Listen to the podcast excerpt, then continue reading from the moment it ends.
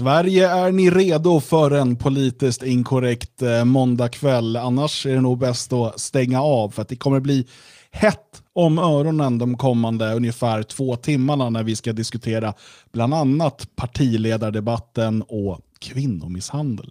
Jag har tagit på mig sådana här kylaggregat vid öronen för att klara av det här. Ja, det här ja, det, det kommer bli det kommer ändå bli hett om dina öron, Björn, för du vet inte vad jag har planerat att dra ner dig i för soppa här under kvällen. Nej. Och vi börjar redan nu med att ta avstånd från allt vad vi säger i förväg. Jag, eh, jag är beredd att dö på det här berget. um, vi uh, kommer till det berget alldeles strax. Vi, det är alltså jag, Dan Eriksson, och här nedanför i bild är Magnus Söderman och där nedanför är Björn Björkqvist. Där. Uh, och De ser mycket mindre ut än jag, men det är en optisk illusion för att kameran är längre bort. Bara så att vi gör det klart att jag inte som en så här jätte som svävar ovanför dem egentligen. Egentligen är ju du längre bort. Det är rent, så konstigt. rent intellektuellt är det ju det Dan. det är sant. Det har du helt rätt i. Hörru, uh, Magnus, hur har helgen ja. varit? Uh, nej, det, var jobbigt. Hur har du haft det? Nej, alltså... ja, låt oss uh, rekapitulera lite snabbt. Jag höll på att dö förra veckan. uh, på riktigt alltså. Ja, på riktigt. Uh, ja. det här, det här är inget men, vi skrattar åt. Ja, jo. jo. Jag, jag, drog ut en tand. Va? Ni minns att jag hade enorma, enorma problem här i, i förra, förra avsnittet. ja, och där på onsdagen så drog jag ut tanden. Um, jag kan bara fortsätta och berätta att det har inte riktigt lagt sig utan jag har fortfarande väldigt ont. Jag tror att det är infekterat. Jag ska till tandläkaren här snart igen och, och se. Det finns säkert en infektion. Jag hoppas ju på, på väldigt mycket så här pasteuriserade äh, saker och, och vägsalt. Äh, i truten. Nu är du på väg att hoppa in på vårt första maj-segment. Just det, förlåt. Uh, mm. Nej, men så det, det, ska jag ordna. nu så härde jag bara ut, helt enkelt. Det känns undligt. Uh, men sen har vi ju då den här nära döden-incidenten. Och, och, ja, eh, en lång historia kort. Jag, jag skulle utföra en enkel elinstallation. Skulle sätta in sladd? på kontoret. Uh, där jag jobbar, där, där Dan uh, sitter när han är i, i Sverige. Den arbetsplatsen. Uh, och då... Så, jag hade säkrat den kan man säga. Ja, verkligen. Det var en fälla då smällde det till förstår ni, eh, något eh, djävulskt och, och det uppstod enorm smärta i eh, handen här, fingrarna och inåt. Och sen så, så gjorde jag en saltomotar i princip genom rummet bakåt, någon form av sväng där. Jag, jag gjorde fruktansvärt ont i vaden också. Och sen låg jag ja, halvvägs ut i rummet, ungefär så här. Med, med en väldigt eh, hjärt... hjärtjobbigt var det. Och då kommer, då kommer Josef, som ni som har varit i huset har träffat en, vem det är, och kommer lunkande och tittar på mig och säger vad gör du där? alltså, jag, jag har fått el i mig tror jag. Och sen vart det ju då ett pådrag här förstår ni att vi åkte till akuten med, med mig och så där och där fick jag sitta och ta EKG och prata med doktorn och ja, sådär så där så visade det sig sen då att eh, allting var ju som det skulle med mig i alla fall eh, inte värre än, än vad det var innan den här elchocken där. Och, och, det var ju skönt det för att eh, ja, det är inte varje dag man är så där. Det kan ju sluta hur som helst va. Uh, sånt där. Men jag pratade med dig strax efteråt eh, och då var du osäker. Men jag, nu har det gått ett tag. Har du fått några superkrafter? Uh, inga superkrafter uh, som jag vet om. Uh, och skulle superkraften vara att jag kan se genom alltså röntgensyn, så kommer jag inte berätta det för att då kommer jag använda den för att titta på tjejer. Bara ja. Röntgenbilder på tjejer. Åh, oh, så härliga revben. Vilket bäcken. Det är jättekonstigt. Uh, Men precis. det hoppet du gjorde när du fick den stöten, ja. det måste ju ändå varit en superkraft. Det var en superkraft. Har du provat att göra det igen? Uh, nej. Uh, läkaren vet inte. för att jag hade ju vansinnigt ont i vaden. Han sa att antingen har strömmen gått ut här, eller så, så skadar du dig när du hoppar bakåt. Spänt som en fjäder och sådär. Det kan man ju göra, man blir ju väldigt sådär. Men sen är det verkligen, jag har aldrig råkat ut för sånt där liksom allvarligare fall. Men, men det är som de säger, det är som att du har sprungit ett jävla maraton alltså. Nu har jag aldrig gjort det, men jag kan tänka mig. eller då ekvivalent med att gå upp för en trappa för en tjockis. Alltså det är fruktansvärt vad trött man är efteråt. Hela kroppen har varit spänd där under någon sån här... Uh. Och sen tror man ju, eller är säker på att man ska dö också. Um, för att naturligtvis så, så, så, vet man att det kan vara allvarligt och då, då, då stressar ju det upp en. Va?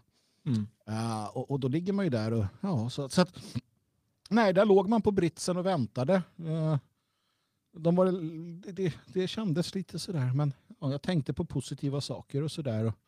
Alla er lyssnar och nej, det gjorde jag inte. Jo, jag tänkte faktiskt eh, på när mitt liv passerade i revy. Nej, det gjorde det inte heller. Va? Men eh, Tragedi en sak, mer än revy kanske. En sak jag funderade på när jag låg där på britsen och tänkte det här kan ju sluta väldigt illa. Så tänkte, då tänkte jag, hur kommer de klara öppet hus i helgen utan mig? Det var en sån sak jag funderade på. Eh, vi öppnade ju huset i helgen. Ja, och hur gick det? Du var ju där Björn. Magnus, du var också där i och för sig. Uh, men ni båda var där, inte hela dagen, men Nej, vi var inte det samtidigt. Vi lyckades springa förbi varandra. Det är rätt skönt, slippa. Men ja. uh, hur, hur var din upplevelse av lördagsöppet i Svenskarnas hus för första gången i år? Jag tyckte det var fantastiskt. Jag har inte varit här innan på, på sån här vanlig öppenhet. Jag har bara varit här tidigare när det varit tillställningar och så. Eh, så att det var ju förvånansvärt mycket människor. Det kom ju en stridström av människor marscherande in i lokalen med olika, olika fordon kom de i, de flesta. Eh, och väldigt blandade åldrar. Alltifrån ehm, så här, i barnvagn till, till väldigt, väldigt uh, gamla människor. Väldigt gamla men inte sådär absurt gamla. Men det var inte så att man var oj, lever du? Utan var ändå, eller så här, oj, man kan bli så gammal. Men det var, det var människor i olika åldrar var det. Eh, och det var um, trevligt. Eh, folk eh, tog en korv, gjorde många, eh, och köpte kaffe och någon dricka. Eh, sen en och annan bok gick också. jag lyckades rekommendera, sälja in några böcker. det var trevligt mycket kul. Folk var um, intresserade också. Några var första gången de var i huset överhuvudtaget, så då fick man visa runt lite grann. Och andra verkade vara mera vana gäster som kunde det mesta, men ändå inte kände igen sig för att allting var ju helt annorlunda för, för ovanlighetens skull så har vi byggt om. Mm. Nej, men det var jättebra med öppningen och sådär. Uh, kul att det kom så många, flera som man inte sett på något år och sådär som var förbi och så. Så att jag håller med, det var, det var jätte, jättekul uh, helt enkelt. Mm. Och Björn, uh, innan vi går vidare till Dan här och hans, hans krämpor, så frågar jag hur det är med foten. För du har ju brutit en tå. Mm.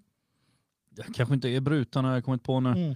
Den såg ut precis som den ska göra när den är bruten när man har tittat på bilder och sådär. Den stod liksom.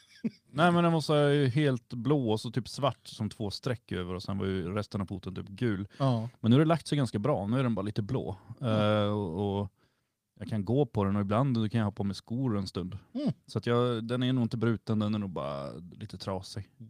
Dan, du har brutit foten. Jag har en tå i alla fall. Eller jag, så här, jag skulle eh, packa ihop datorn eh, och sådär, så tappade jag datorn på min tå.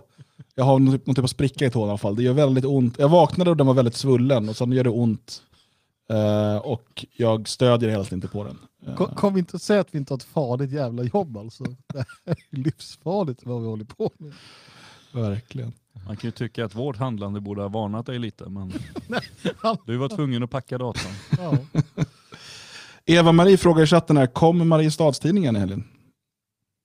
Uh, inte vad vi vet. Nej. De kan ha varit här undercover. Mm. Mm. Ingen aning. Ja.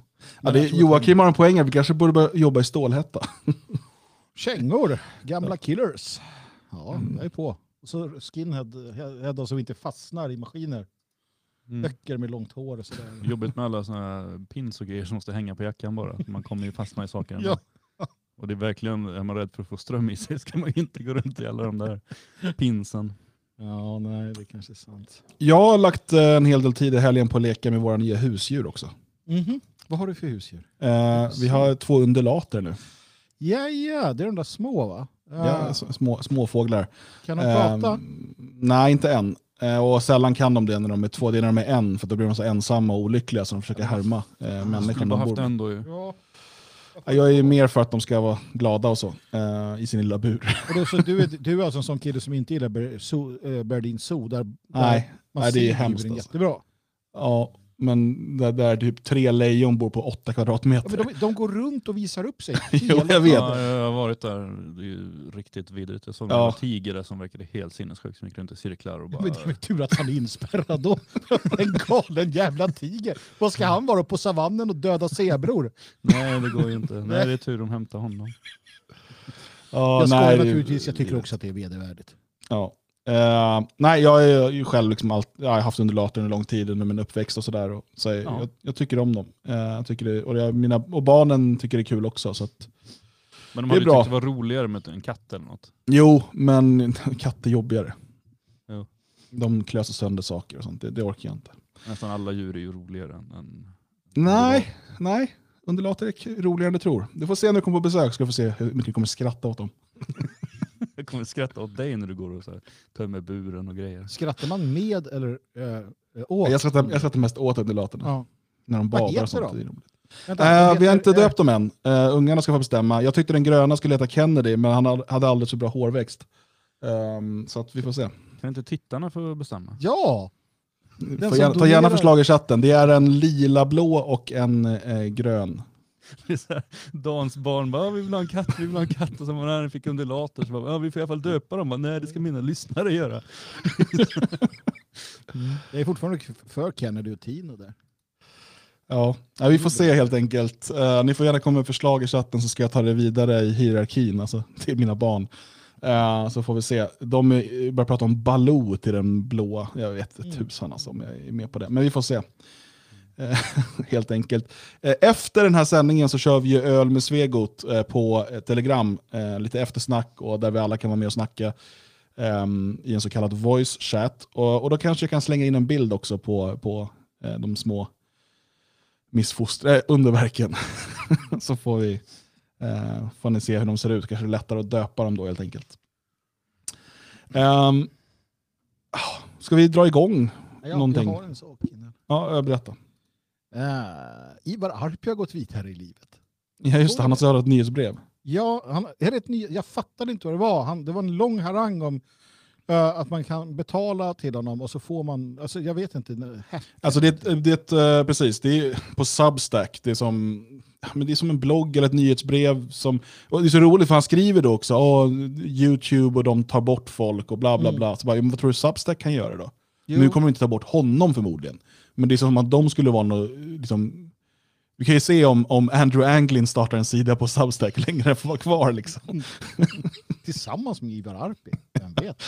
Men eh, nej, jag kommer inte följa honom. Men det, det är ändå, jag kommer ändå sådär, hoppas att han blir bättre än vad han har varit. ehm, när han är själv nu kanske.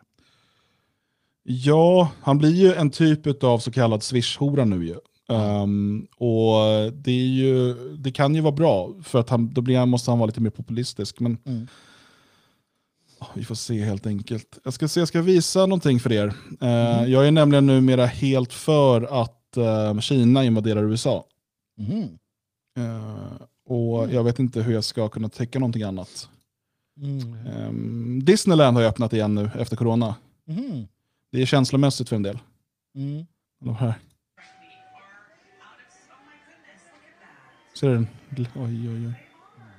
De är så glada nu. Disneyland har öppnat igen. Ja.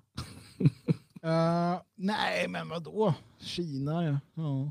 Ryss jag är mer för Ryssland i sådana fall. Alltså jag, Ja, Men alltså vad är det här för människor? ja. Hur kan de, de gråter av lycka för att Disneyland har öppnat? Ja, nej, jag vet- Det är vuxna människor ska vi lägga till också Jo, för er som inte ser. Att Men det vet man att det är det de gråter? Ja, ja, det, det, det är klipp från, det finns en längre men jag kan inte visa hela. mm. Nej, det är ju dumt. USA har ju blivit väldigt dumt på senare tid. Va? Till skillnad från Sverige. Ja. Nej, jag vet, jag, har- det är svårt att säga någonting, just att det är vuxna människor. Va? Ja. Men, men eh, det är också den tid vi lever i. Vuxna människor som de spelar spel och går på nöjesparker. Och, jag vet inte. Jag, alltså den typen av nöjesparker. Jag, jag har ju, att de går och tittar på... Ja, jag vet inte. Men eh, innan vi kommer in på de större temana för idag, ehm, ska vi ta en god nyhet bara så att vi känner lite glädje i livet.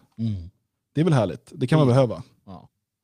Ja. Um, Teskedsorden uh, går i konkurs. Nämen. Visst är det roligt? Och det är alltså Ja. inte ett hat mot teskedsgumman det här, utan eh, jo, det är det också. Men det är en separat diskussion kanske. Alltså, de, de har ju skapat väldigt, väldigt lite för väldigt mycket pengar kan man ju säga. mm. De har ju fått kolossala summor pengar av staten. Eh, och för det har de lyckats här, skapa, jag vet inte, det är väl en bok de har lyckats få så, här, så att eh, den delas ut gratis till alla åttonde klassare eller någonting. Mm. Av någon jude, eh, ja nu står det helt still. Eh, dålig bok är det också. Mm. Ja just det, det var det första de gjorde, att dela ut till typ alla skolbarn Ja, det är någon israelisk författare, eh, Mm. står helt still där. Men, men eh, sen har de ju inte synts speciellt mycket, utan de dyker ju upp sen någon gång om året med något galet uttalande, som när de ska berätta för alla vad som är rasism. Mm. Mm. Att svarta kan inte vara rasister, för rasismen måste komma från staten. Och det skulle alltså göra oss till icke-rasister. Mm. Eh, det, det är ju sådana saker. Och sen medrasism var ju ett uttryck de myntade. Ja. Det var ju Mm. fantastiskt. Det fick ju oss avstängda från, från Youtube. Ja just det, för att du gjorde en eh, video om eh, detta. Eh, Ja. Vilket fick oss avstängda första eller andra gången. Amon, Ja. Amos oss var det. Men de har, hos oss, ju, det. de har ju fört en, en inte tynande, eller ja kanske tynande också på senare tid, om de har inga pengar i alla fall, tillvaro. Men som Björn säger, det, det är inte det är kanske inte de första som, som dyker upp när man tänker på sådana här anti, antisvenska projekt och sådär. Men, men de har varit ganska giftiga som, som du säger där. Och jävla konstigt, teskedsorden, vad fan är det för namn? Jag tycker det är obehagligt, bara det. Vad, vad kom vadå teskedsorden? Det är, Den grundas ju av eh, tidningen Vi. ja, eh, vad har de med teskedar att göra? Jag vet inte, det är, ju, det är väl Coops eh, tidning. Jaha. Eh, eller ja, Kooperativa förbundet. Um, så eh. Det här är ju, det är ju en konst, det är en blå, vad heter den där, blåvita produkter.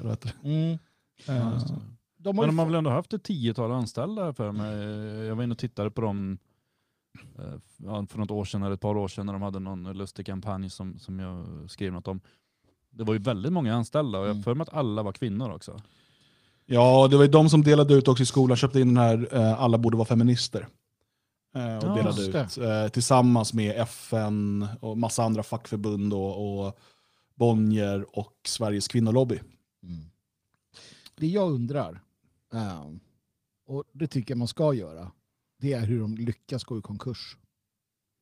Alltså, de här får pengar från dona, naturligtvis vanliga donationer till, till liten, liten, liten del, men de får statliga pengar, de får använda arvsfonden ehm, och så vidare. Och hur lyckas man då eh, gå i konkurs? Alltså, jag förstår inte det. Jag har viss in, inblick i den här typen. Det är en ideell förening i grunden eh, med den här typen av ekonomiska muskler. Ehm, och de lyckas inte åstadkomma någonting. Jag, bara, jag jämför med det fria Sverige och vad vi gör. Jo, men tänk då att de liksom lägger pengar på att anställa folk som ska räkna eh, antal, antal gånger som alternativmedia delas i sociala medier.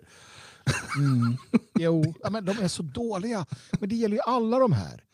Alltså, alla de här är ju dåliga i det att de har massor med pengar. Eller tror de inte på det här själva? Eller liksom, jag fattar inte det ändå. Det är varenda sån här bang och allt vad de heter. De går i konkurs och startas upp och går i konkurs och startas upp. Och... Ja, men det är väl ingen som kommer hållas liksom, eh, personligt ansvarig för det här. Det kan jag inte tänka mig. Utan eh, nu har de ju bränt en massa liksom, skattepengar egentligen och allmänna arvsfonden och sådär. Mm. Ehm, och eh, kunnat liksom, anställa sina polare eh, och kamrater eh, till att göra, alltså, det är också så här, de säger att vi räknar rasistiska inlägg, de använder ju någon typ av sökmotor för det, så någon typ sammanställning. Det är inte så att de sitter för hand och räknar, det är roligt att tänka sig att det är det. Mm. Men de har ju säkert anställt tre personer på bara det här projektet. Mm. Att sammanställa hur många delningar det är till alternativmedier. Det finns eh, en hel del bra sådana här verktyg. Vi har ju använt sådana förut när vi har på med nyhetsanalyser och sånt. För att se hur många länkar delas från Samnytt. Hur många, alltså det, det, tar, det kan vi sammanställa på tio minuter. Mm. Men de liksom kan få en miljon från staten per år för att göra detta. Mm. Eh, och det, det är ju bara ett sätt att, att suga ut skattepengar, anställa sina kamrater eh, och, och liksom plocka ut rätt bra löner. Ehm, så att, och sen, okej, men nu är det här, vi gör något annat projekt nu, då går det här konkurs. Precis. Titta här också. Ja. Ja, frågan är om det inte kommer fortsätta finnas kvar ändå i samma namn. Ja, är Konkursar möjligt. och sen kör Mm. de vidare liksom, med samma människor. Så är det ju Timbuktu i styrelsen. Liksom. Det, Mm. det där lär ju bara pågå och pengarna lär ju bara fortsätta rasa in. De nollar Mm. sig. Liksom, eller någonting. Men till exempel, och det måste ju vara då, återigen, va? Eh, här har de då eh, till exempel kursen vardagsrasism och civilkurage. Uh, 15 000 kostar den. Eh, tid 60-90 minuter inklusive klassens diskussion. Har Saras resa. Den är gratis, tänka sig. Men menar, där har du ju, där har du ju då 15 000, eller då som nu, nu, nu är det nedsatt av någon anledning, 7,5. Då. Eh, de säljer sånt här och det är ju sånt som skolor köper. Så menar, hur mycket får de in? Vi gjorde ju en räkning, eller Dan, du gjorde ju det på någon av de här eh, en gång. Och, och, och det var ju fantasisummor som de här fick in, den här typen av föreningar. Mm. Och, och ändå lyckas de inte med mer. Och så tittar man på vad vi har helt utan. Vi får inte ens pressstöd va? Eller vad det nu heter. De drog alltså in, 2019 då, så hade de verksamhetsintäkter, alltså de här kurserna, det på 7,5 miljon. Um, ändamålskostnader 6 miljoner. Osäker på vad det innebär. Ehm, de hade, alltså 2019 hade de eget kapital på 4 miljoner. Ehm, nej, det räcker inte. Vi kursar.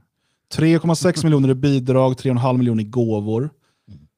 Ehm, och jag försöker se om man kan hitta deras lönekostnader någonstans, men de verkar inte specificera det här. Man undrar var de gåvorna kommer från också, om det i sin tur också är statliga företag och sånt. Säkert. Gåvor som redovisas i resultaträkningen, allmänheten 1 miljon, företag 1,3, externa stiftelser och fonder 1,2. Mm. Mm. Var det inte de som gjorde ett spel också? Ja, Teskedsorden. de hade alltså åtta anställda 2019. Mm. Eh, generalsekreteraren hade en miljon i lön. Eller det står generalsekreterare slash kanslichef. Jag vet inte om det är en person eller att det är två löner. Ja. Övriga anställda två miljoner plus sociala kostnader. Men, men titta på det här nu. Jag, jag ser Lovisa Fager Havdelin då, som är generalsekreterare. Eh, så här, vad, vad är det här för människa? Vad har hon gjort i livet innan hon blev teskedsgumma? Uh, jo, eh, hon har bakgrund i svenska och internationella organisationer. Läkare utan gränser, Peace Divided Trust, Unicef, Amnesty. Eh, eh, och, och har då fått så här FN-supporterpris och Anna Lind Academy har gett henne det. Alltså, det är den här, det är sån jävla incestuös um, verksamhet. Mm. Du vet, nu, hon skulle, låt oss säga att Teskedsorden skulle lägga ner, vilket jag håller med, jag, jag tror inte det. Men jag menar, hon, det är bara nästa. Vad finns det mer? Friends eller någonting annat skit liksom. Mm. Inom den här sfären. De bara hoppar runt och bara mjölkar dig och mig på skattepengar och döda människor. Det är en Ja. riktig parasitklass. Det här är Eh, parasiter. Riktiga ja. politikerna.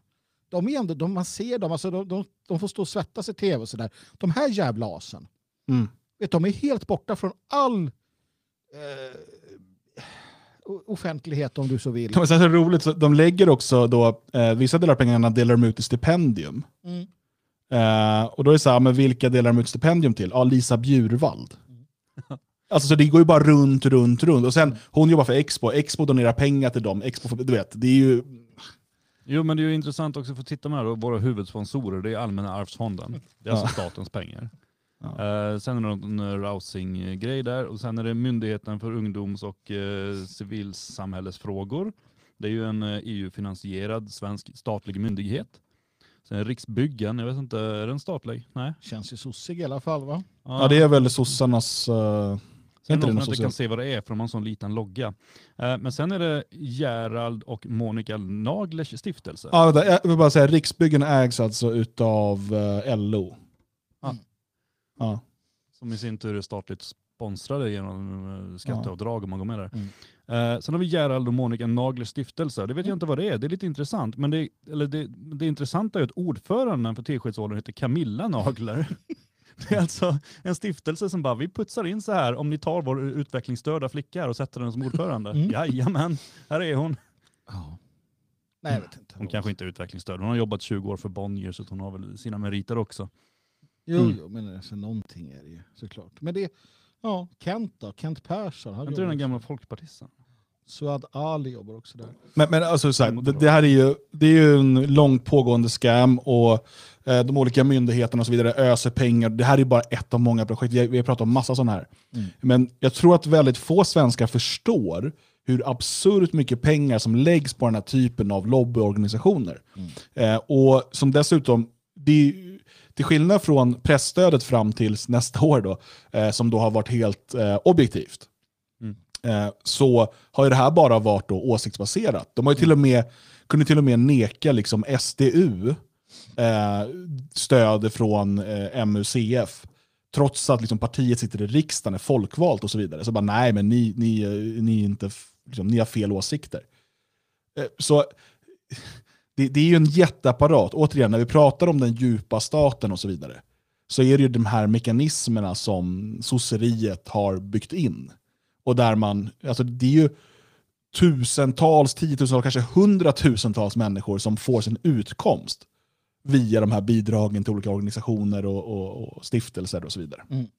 Jo, där, där måste man ju förstå att En sån som Lovisa Fager Havdelin då återigen, den här äh, blonda medelålders kvinnan uh, som, som fräser runt här med sina andra väninnor och sådär. De, de är ju uh, långt borta från den verklighet som, som vi och ni och de flesta svenskar lever i. Uh, och, och det här är ju verkligen den här eh, de höga hästarna, du vet, sitter bakom pansarglas. För, i, i, alltså hon tar ju någon fin jävla elbil till jobbet och åker hem till var hon nu bor och sådär. Det är ju klassiskt. Eh, Och hela det här gänget, hela den här adeln, den nya adeln av den här typen av människor, lever ju på det sättet. Eh, Mm. och, och ja, sen så eh, låter de alla andra plocka upp resten och spillrorna av det elände de skapar. De här jävlarna borde ju ansättas stenhårt. Alltså Mm. sökas upp och, och protesteras utanför deras hem. Och, eh, absolut ingenting olagligt naturligtvis. Bla bla bla bla bla. Jag kollade upp Camilla Nagler, hon bor på Södermalm bara. Ja men du ser. Eh, buss på de här jävlarna liksom. Hitta alla de här jävlarna. Och, och ja, visa vad man tycker. Säga vad man tycker. Mm. De kommer undan för billigt, för lätt alltså. Har gjort det i alla tider. Ja, visst är det så. Eh, visst är det så. Eh, Lovisa Fager Havdelin bor i eh, Enskededalen. Mm. Så det är ju fina söderort. Mm. Ehm, Just det, de, de, det där var så roligt. Jag gjorde en film om det en gång i tiden. Rassekollen, Mhm. som de släppte på eh, alla hjärtans dag. Som man skulle gå just det. igenom för att undersöka om eh, ens uh, dejt på, på eh, vad heter det, Valentine, om det var en eh, rasist eller inte. Det var fantastiska frågor som man skulle sitta det. och, så här, över en romantisk middag, kontrollfråga. Det finns lite frågor här till exempel. Det är så konstigt att L fortfarande har sin gala på Grand Hotel och att alla influencers fortfarande går dit. Har de redan glömt bort att SD fick ha sin gala där? Ja, Skön vad får man för svar? Ja. Eller den här. Såg du Sameblod när den gick på bio? Jag blev så berörd av den filmen. Sverige har ju verkligen inte en fläckfri historia när det kommer till rasism. Det är inte bara frågor till din dejt, utan du ska dessutom, det här är vad du ska tycka. Jag blev så berörd av den filmen. Det är så här med människorna lever. Bara, vad ska jag tycka? Okej. Jag blev berörd av den här filmen. Där reser man sig upp. Och, och, och så liksom en, en lätt sån här, så. På det där hysteriska fruntimret. Just det. Vi ska prata kvinnomisshandel sen, Magnus. Håll, Ja, håll i lavetterna. Jag, jag, jag håller hårt. Håller hårt. Laddar. Ja. Oj, oj, oj. Häng kvar om ni vill veta hur det där slutar. Ja, men Teskedsorden är i konkurs, det är väl kul på sitt sätt. Eh, men eh, det stora slöseriet med svenskarnas pengar till meningslösa vänsterprojekt kommer inte sluta med det, tyvärr. Vi ska prata lite om den pågående attacken mot svenskarnas rätt till ett eget land. Och jag kommer ta flera saker här, men vi ska börja med något som har uppmärksammats de senaste dagarna. Och det är ju ga- en gata i Bankeryd som inte fick heta vad den skulle heta. Eh, den skulle nämligen döpas till Kottvägen. Eh, men det går inte för sig. Jag orkar inte. Det går inte för sig. Kottvägen kan det inte heta. Det är ju... Det är Kott, ju alltså ni menar sån här jävla, det är inget jävla dialektalt, det är en katt, en sån där i Ja. skogen. ja, Ja.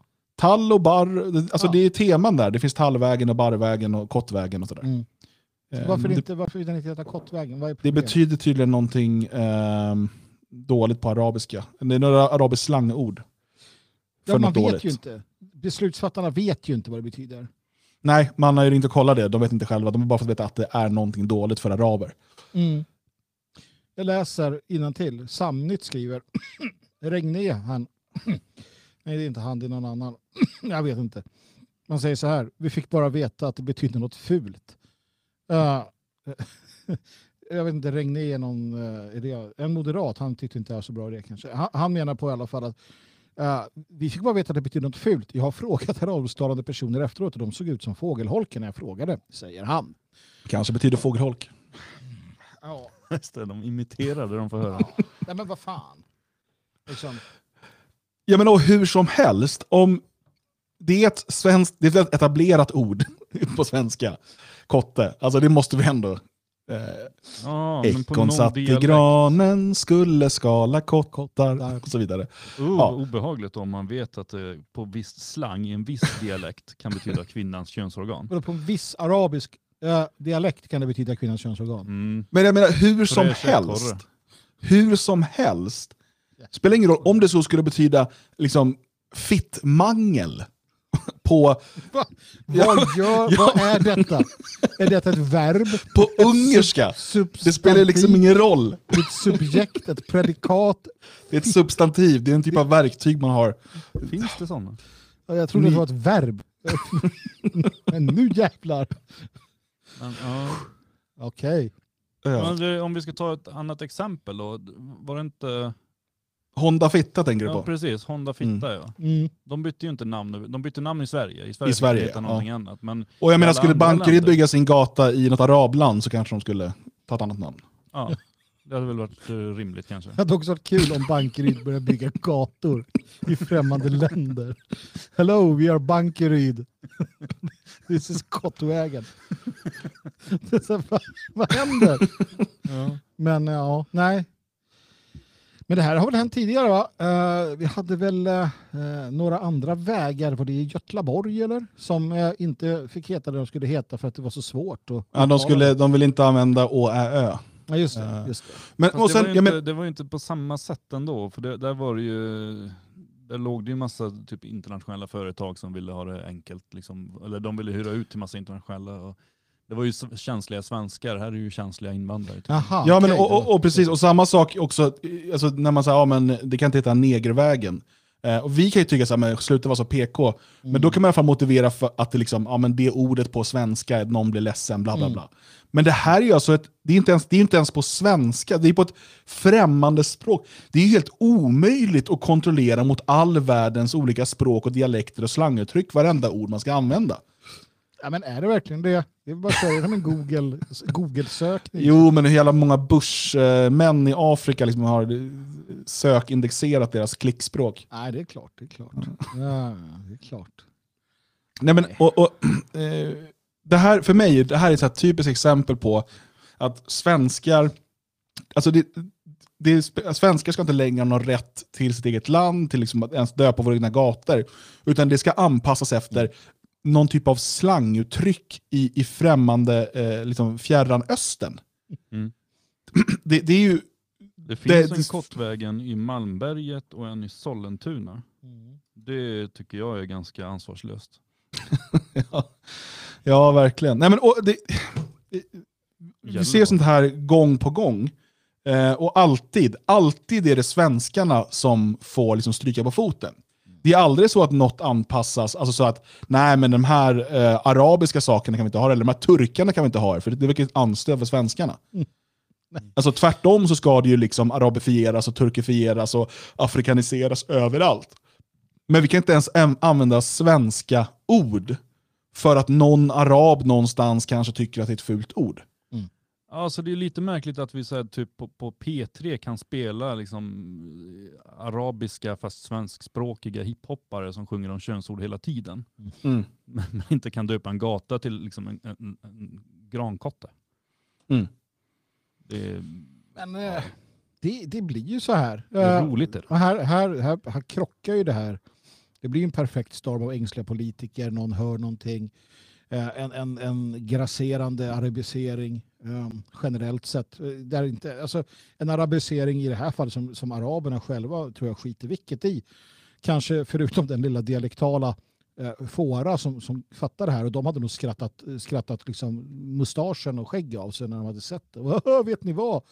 Ungefär som när man köper fit, fita cola i, i Tyskland. Där det att det finns ett byggföretag i Danmark som heter Porr. Liksom. Ja, Mm. Eller Eller att när det är bra erbjudande i Tyskland så är det knullerprice. Det är också Precis. roligt. ja, Det var lite roligt. ja, men det är jättekul. Men, äh, det, det, Ja, det- eller den där tandkrämen Kukident som finns där också. Det är också roligt. Ja, det är sjukt. Jag hittade en sån där kukident och det var ju så här barn på omslaget. Så här, perfekt för barn har man när man slutar. Det finns Kukident White Power också. Den tycker jag är bra. Ja. Den brukar jag köpa. Ja, det är klart du gör. Uh, nej men, och, och det här, jag, jag, jag vill inte lasta araberna för det här. Uh, det gör jag inte. Utan det här är ju ängsliga. Och, och, svenska, och det faktum att ingen bara åkt vad, Markaryd, eller vad var det? Bankeryd. Och, och, alltså, vad fan gör bankeroiderna då? Jag tror inte det heter det. Bankerydarna, jag vet inte vad de kallar sig. Men det är bra att du säger det, för att svenska språket kan ju vara svårt. Ja, Ehm, och speciellt för liksom, invandrare och sådär. Mm. Så det gäller att hitta sätt att och, ja, men göra liksom, språkutbildningen lite intressantare. Mm. SVT rapporterar. Eyo, rap är grejen här i orten. Eleverna på AB gör det bästa med de givna korten. Många av de här eleverna sitter och lyssnar på dagens rappare och sånt där. Och då vill jag att de ska förstå det. De ska förstå vad de snackar om och att det inte bara är coola ord. Det att ni kommer lära er att formulera er, ni kommer analysera. Vi kände bara att vi ville uppmärksamma det, för det har varit lite problematiskt här på denna skolan också med många ja, rapplåtar och så vidare som f- kanske vill efterlikna lite smått. Ja, För man lär sig många nya ord, både dåliga och eh, bra. Där kommer vi in och river den muren och förklarar om att man behöver inte alltid vara den starkaste, tuffaste. Kan du bestämma dig, ska du vara med mig eller han? Jag och du baby kan vara som Bonnie och Clyde. Sen kärlek försvann, nu för tiden folk Men rap i svenska ämnet, hör det verkligen hemma? Det tycker jag verkligen och det är någonting som vi måste tala om. Notera nyckelbandet. inte Glömma att rappen finns. Man lär sig faktiskt, det är på ett roligt sätt som man lär sig av det. Och målet är att klassen till slut ska skriva en låt tillsammans. Vår musik ska handla om det vi har gått igenom, det är kärlek, med vänskap och eh, det vi gör här i Andersbergsskolan. Luften. Här vi vinner inga matcher, vi vinner ju bara kupper. Ja, jag, eh, jag har ju länge utkämpat, vi kan prata tio år, eh, ett, ett eh, krig mot det här med, med, med rap. Men jag har ju fått på tafsen också av eh, nationalister som ser detta som, som liksom det bästa som finns. Du har önskat en raplåt i dagens paus. Jag vet, säga. Det, det har ju gått så långt att jag till sist önskar en raplåt i dagens paus. Men det, det som fick mig, dels så insåg jag att världens första rap, det är ju Evert Taube. Uh, Inte världens första. Nej, men en väldigt, Det är Everts första. Sämsta det ja, väldigt Evert Taube. Väl, en väldigt, väldigt tidig raplåt i alla fall. Kinesiska muren finns på Spotify.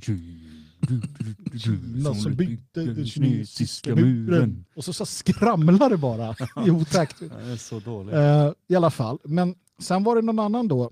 ehm, som inte nog med, med att den personen gillade rap, det var också en hedning.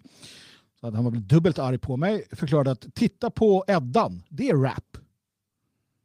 Alltså bara för att det skrivs på vers så är det inte rap. Jo, för det var så man läste upp det så i, i, i, hos kungarna. Ja, men då måste man, det är en väldigt bred definition. Ja, Ehm, visst. Eh, och gillar man någonting och vill att det ska vara okej, då blir definitionerna breda. Va?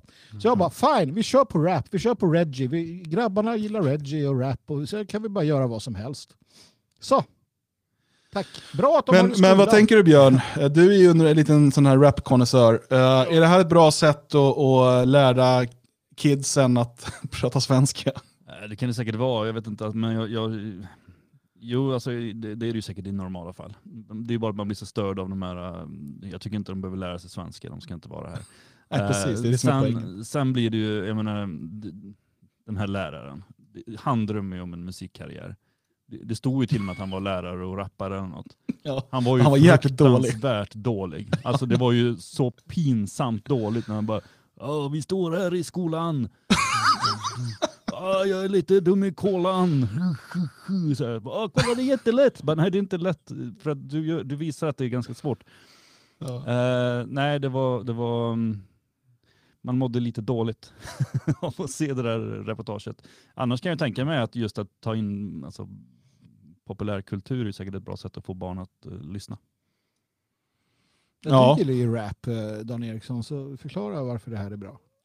Nej, men jag, alltså, jag håller ju helt med Björn, de här ska ju inte lära svenska, de ska åka hem. Eh, det är det första. Det andra är ju det här att vi har ju då den här eh, afrikanska herren eh, som ska, och liksom ska då föra vidare den här afrikanska kulturen. Eh, det, för mig blir det återigen ett, en av alla de här pusselbitarna i att man ska avsvenska Sverige. Eh, för att det inte, men hade det varit då, eh, här har ni svensk, ja men fan läs eh, lite Heidenstam för dem då. De kan väl läsa, det finns ju massa fina gamla verser att läsa eh, för att lära sig svenska språket. Men om man då istället ska lära sig liksom, rap eh, på dessutom slang, på vilket sätt skulle det liksom vara bra för Sverige? Jag, jag, jag ser inte det. för att det enda som liksom vore rimligt eh, i liksom en annan situation med mindre invandring och så vidare, vore ju någon typ av assimilering. Inte att de ska afrikaniseras genom att liksom sprida på dem eh, vad, grund, vad som är grunden i liksom afroamerikansk gettoskräpkultur. Mm. Och, och, så, och vi har pratat om det här tidigare, vad, vad, är det, vad var det liksom med eh, de här eh, judiska herrarna på MTV som skulle liksom prångla ut eh, gangsterrappen på slutet av 80 början på 90-talet till alla svarta i USA. Och det här har ju nu liksom spridit sig i, i hela världen. Eh, och nu får liksom Yasin pris av statliga radion och så. Eh, medan han sitter häktad för, för människorov, stämpling till människorov. Um, men så man liksom, till och med i skolan då, så det står det någon tjej där och liksom dansar medan de ska rappa. Jag, jag, bara finner det så himla osmakligt när var de här, om de här nu, nu ska de inte stanna i Sverige, men om de skulle göra det, vad de behöver är en uppsträckning, sätt dig ordentligt, traggla glosor, läs poesi, håll käften. Jag gillar inte musik. Allahu akbar. Ja, men jag, jag, jag, jag satt och tänkte, jag tänkte jag skulle förflytta det här till en musikdiskussion, men det gör jag inte. Men jag bara satt och tänkte på när Nordisk ungdom lanserade, vad nu ska vi vara speciella, vi gör en Reggie-låt. Just det. Vad fan var det? Och så här, nu ska vi vara speciella. Ja, men det var rätt vi... smart, uh, för det vart ju, de lanserade en organisation uh, och fick väldigt mycket uppmärksamhet. Jo, de lanserade sig med en reggae-låt. Ja, nej men all PR är bra PR. Ja, men de blev ju omskrivna ändå på, på platser man inte brukar bli omskriven på. Så Aftonbladets mm. musikrecensenter och sånt. Jo. Ut och skrev om det. Nej, jag tycker att alltså, PR-mässigt var det rätt smart drag. Faktiskt. Jo visst, men det var ju också ganska oironiskt gjort. Va? Ja, jag tyckte inte om det. och sen den här, vad heter han då som jag, som jag tipsas om från här, här nära och fjärran? Det är någon vit kille i USA som gör rap. Uh, vi har en pluspodd om honom, uh, McDonald, Tom McDonald. Precis, det var ju ganska bra texter. Vilket jag retade mig på. Jag ja, men, tycker att det blir jobbigare. Alltså det är svårt nu. Det är svårt. Men, men jag, jag säger så här, man får inte döpa gator till Kottvägen. Nej. Uh, och uh, i, i skolan så ska barnen lära sig svenska medelst afrikansk, afroamerikansk rap. Uh, och um, Det är så pusselbitar i liksom avsvenskningen av Sverige. Mm. Och så lyssnade jag på en podd uh, igår, uh, och det är podden Gränslöst. Um, jag vet inte om ni känner till den. Um, Nej, det är, jag vill inte ens tänka på vad det handlar om. Mustafa Panshiri heter han va? Den här, han, åh nej, glada invandrare. Oh, polisen, uh, för polisen. Och den här Malcolm Shejune. Han som är syrra, brorsa till den här galna. Ja, men han som tittar åt alla håll samtidigt. Ah, och så är det någon tredje, som inte kan, Mustafa eller Mohammed eller någonting. Hur som helst, de har eh, socialförsäkringsminister Ardalan Shekarabi eh, på besök. Det är de här fyra då som ska forma Sverige för framtiden. Ja, eh, och man kommer in på Sverigedemokraterna, eh, och vi kommer in mitt i liksom ett samtal här. Men eh, då låter det så här då. Och det här, återigen, Sverige ska inte få vara svenskt. Kom ihåg det, det är, liksom, det är de här pusselbitarna vi har här. Det ska avsvenskas. Alla svenskar som tror att de ska ha rätt till ett eget land har fel. Och det här förslaget är ju också liksom officiella förklaringar från Sverigedemokraterna av att man ska göra Sverige mindre attraktivt för invandrare. Men de människorna är ju inte blivande invandrare, de är ju här ju. Och är barn här. Och det är just det som, som alltid, när det kommer till Sverigedemokraterna, som, som det finns fortfarande en dröm om att Nej, här är Panshiri. de kan återvända. Eh, det, är en dröm man när om, om, om återvandring. Men om man inte är villig att ta till odemokratiska medel så kommer det här inte gå. De här människorna, de, de är här. De, de, de är en del av Sverige. Och vi, Ja, alltså, det största problemet jag har med, med, med, med Sverigedemokraternas eh, eh, världssyn eller principprogram, eller vad man ska säga, det är faktiskt inte den delen som rör migrationspolitiken. Eh, det, det har ju folk massor med olika åsikter om, även om jag har synpunkten på att de inte står upp för asylrätten, men det är en annan sak. Liksom. Utan det jag har problem med är definitionen av svenskhet. Det är som att de verkar tro att det går att exkludera en stor del av befolkningen i det här landet från den nationella gemenskapen och att det skulle skapa ett bättre samhälle. Men då bortser man ju från att de människorna är här. De kommer vara här. Så det, jag ser det som vår skyldighet att skapa en, en inkluderande nationell identitet som vi bygger gemenskapen på. Eh, och medan de verkar tro att, att det går att, att nå ett bättre samhälle genom exkluderingen från den nationella gemenskapen. Och det, det borde diskuteras mer. får, tycker jag. får, jag bara ställa en avslutning? Sällan har raskriget eh, varit så efterlängtat hos Söderman som det var just nu. Gud vad man vill att det bara ska bli en stor jävla clash och så bara löser vi det här en gång för alla. Vilka jävla as och den där jävla den där jävla Shekarabi, va? Det är någon form av illegal invandrare som myglar till sig ett put till sist. Går och blir någon jävla minister. Efter att också sig- ha avslöjats med stort bidragsfusk under Just sin tid i SSU. Men, men man måste förstå vad det är han säger här. För han säger att vi ska bygga en ny inkluderande nationell identitet. Mm. Eh, och liksom, vad är det med de här Sverigedemokraterna som tror, så här, som att det inte fanns en nationell identitet, som att det inte fanns en nation, ett folk här, innan han och hans stamfränder och alla andra främlingar bosatte sig här under de senaste 30-40 åren.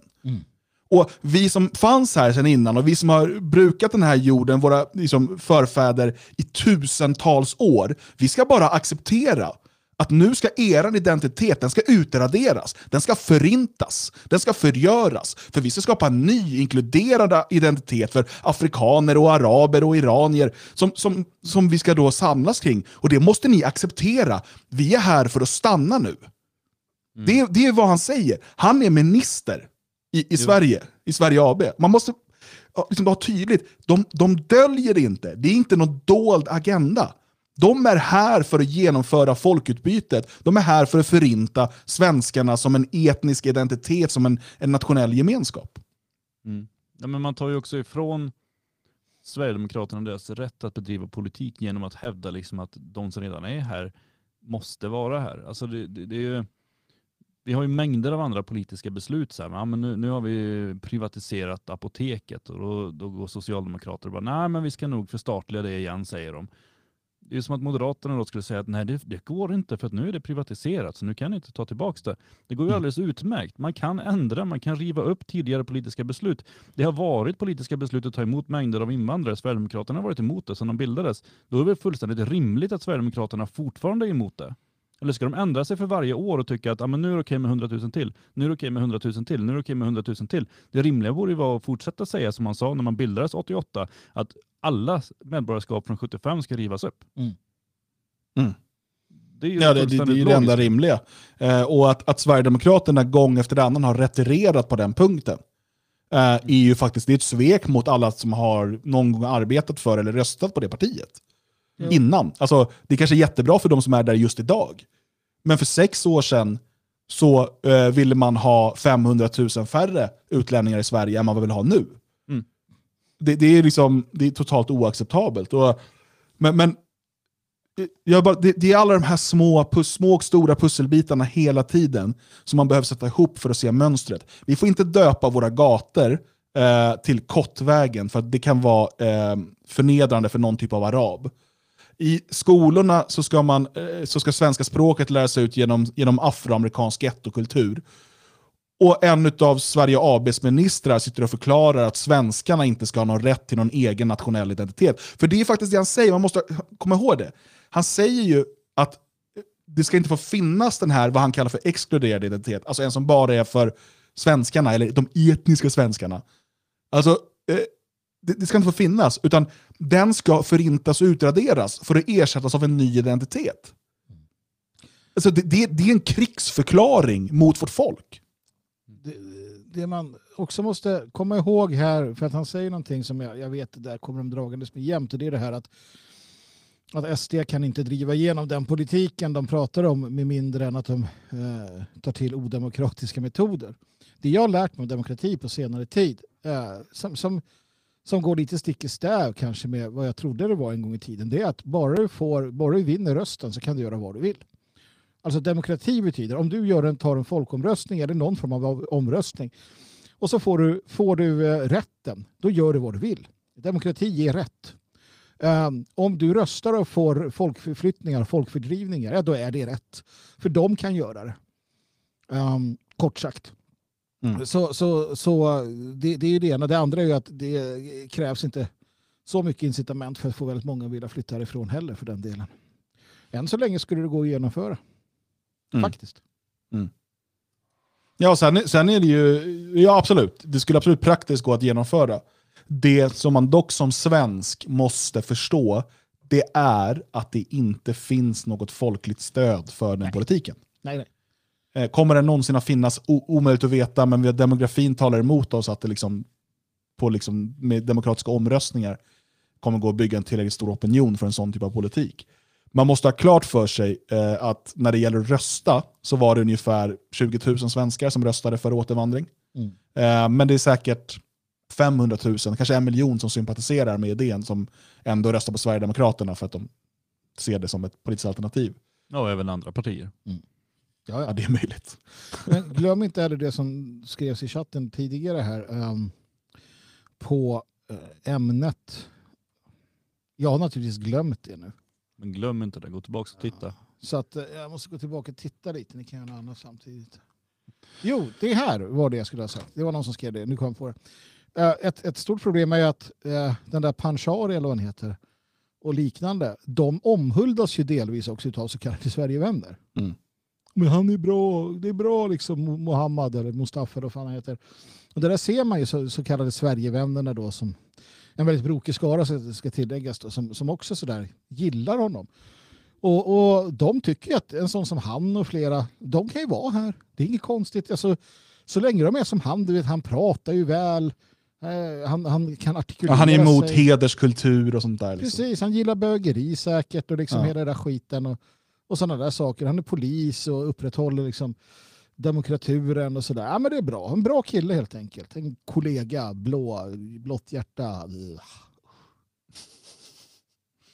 Att, nej, det är, som du säger, det, är- alltså, svenskarna vill ju ha sådana här. Det är så. Alltså, majoriteten av svenskarna vill ha invandring. De vill ha den politik som är. Eh, eller, eller lite annorlunda, lite sådär det nya regeringsalternativet och sådär. Och, och vi måste bara köpa att det är så. Det, det, och då har de velat länge. Eh, sen, Mm. så, sen kommer en tid i livet då dottern kommer hem våldtagen eller man, man blir nersparkad och rånad eller man ligger där på pensionshemmet och dör. Um, förstår inte vad de säger. Och så tänker man, fan vad dumt. Fan vad, men då är det för sent. Liksom. Mm. Den tiden kommer för alla de här. Mm. Vi måste bara släppa taget om dem. Släpp liksom, så, så, klara er, gör vad ni vill och sen så tar vi hand om varandra.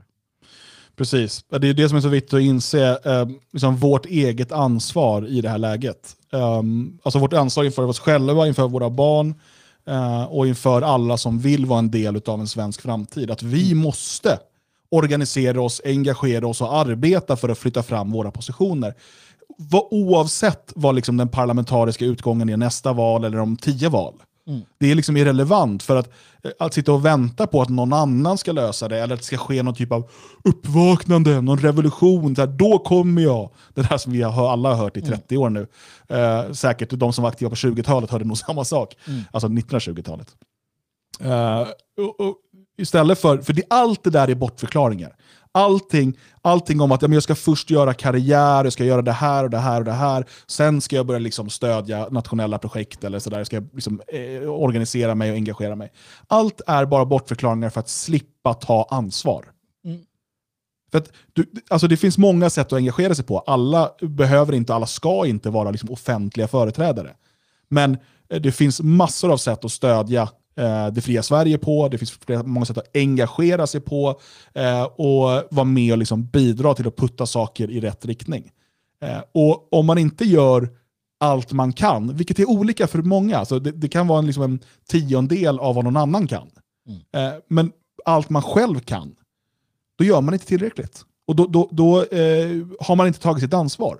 Så det, här, det är liksom, man måste förstå att de här människorna som vi, vi såg några exempel på nu, som faktiskt förklarar krig mot eh, svenskarnas rätt till ett eget land och en, en framtid med en svensk nationell identitet. Eh, de är väldigt, väldigt många, de är väldigt resursstarka, eh, de är, eh, och har väldigt mycket makt. Mm. Men vi kan ju inte lägga oss ner och dö för det och acceptera det här, utan vi måste då arbeta för att bygga den framtid som är möjlig att bygga. Alltså en svensk framtid där det går. Och Det är exakt det vi gör genom att skapa svenska områden, svenska företagsnätverk, i framtiden kunna öppna liksom, eh, svenska föräldrakooperativ, svenska skolor och så vidare. Allt det, men det kräver ju att vi alla drar vårt, vårt strå till stacken, att vi alla engagerar oss, eh, och, och understödjer det här så mycket som vi bara kan. Mm. Säg att jag har fel då. Du har fel. Nej, det har du ju inte. Det är absolut eh, sådär. Och jag, alltså jag, jag sitter ju egentligen bara och är så jävla provocerad just nu av det vi hörde förut. Det bara växer hos mig hela tiden. Där, alltså, när det sitter en minister och pratar liksom om eh, den nya nationella identiteten och att den, det är den vi ska anpassa oss efter. De har hittat på en ny identitet. Vi hade en bra identitet. Vi var liksom färdiga. Och de bara, nej men där skrotar vi. Vi river ner allting som folk var nöjda med. Och så ska vi bygga en ny identitet och fan ta dem som inte accepterar det. Men det alltså det är ju så fräckt. Sossarna, folkhemmet, vagga till grav, sossarna, folkhemmet, Per Albin, det är min idol, säger Jimmy Åkesson. Eh, Utan att komma ihåg det faktum att socialdemokratin bygger på att riva ner all nationell, traditionell eh, identitet och skapa en ny. Det är själva idén, själva Mm. grunden. Medan de facto de övriga högerpartiet och vad det nu hette även på den tiden ändå hade en idé om att nej, vi ska konservera, bevara det här eh, och, och inte bara låta det springa iväg. Va? Så Mm. du kan inte stå och säga att det var bra med sossarna på 30-40-talet och, och sen stå och säga att det är dåligt nu, för, då är du ledsen. Men, då, då, Men alltså, det, det, det, det är ju för att de här Sverigevännerna är ju, alltså väldigt många av dem är ju totalt historielösa. Eh, det är ju alldeles för ofta som jag hamnar i diskussion med de här, de säger han var bra när Palme var, du kom tillbaka Palme. Mm. För att de inte förstår någonting. Och, och helt ärligt, jag vet inte ens om jag orkar bli upprörd på att de inte förstår någonting. För att det var länge sedan eh, jag trodde på liksom, pöbeln, att den, vad den än liksom bär för fana, eh, att, att den skulle kunna förstå och liksom hålla någon typ av längre resonemang. De är bara valboskap, vare sig de är sverigedemokrater eller sossar. Mm. De är inte en jävla fritänkare bara för att de går och röstar på Sverigedemokraterna. Det, det, det är knappt så att de liksom förstår sammanhanget liksom, från ena dagen till den andra. Och så är tyvärr de flesta människor, vilket är ett utmärkt liksom, eh, exempel på varför allmän rösträtt är en dum idé. Mm. Säg emot mig då. Det blir ett sånt här program igen. Vi Du. får bjuda in någon som hatar oss. Ardalan Shekarabi, du har en stående inbjudan. Ja, det vore bra. Ja, Nej, du kan få komma hit fysiskt. Ta med Säpo, det skiter vi. Vi kommer ändå aldrig härifrån. Ja. Det är många som klagar på att eh, era mikrofoner tydligen är lägre än min. Eh, Jag har höjt det så mycket jag kan här, så att ni får höja i studion sen. För vi ska ta en musikpaus nu. Eh, Och hur hög volym det är på den, det vågar jag inte svara på. Men när vi är tillbaka, då ska vi prata partiledardebatten, vi ska prata kvinnomisshandel och så ska vi hinna kanske prata lite första maj, eh, den här demonstrationen som var. Ehm, Får vi se vad vi hinner med. Och efter programmet vet ni, då är det öl med Svegot på Telegram. Följ Radio Svegot på Telegram om du inte redan gör det för den senaste informationen. Så har vi lite eftersnack och umgås lite, lite grann efteråt. Helt enkelt. Nu ska jag se om jag lyckas hitta allting rätt här. Uh, något du vill säga Magnus innan vi går till paus? Nej, jag bara höjde lite på micken här. Tänker att det blir säkert bra nu. Kommer alla bli Ja. jätteglada. Det blir, det blir superbra där. Det är så här vi låter. På riktigt. Haha. Vi är strax tillbaka.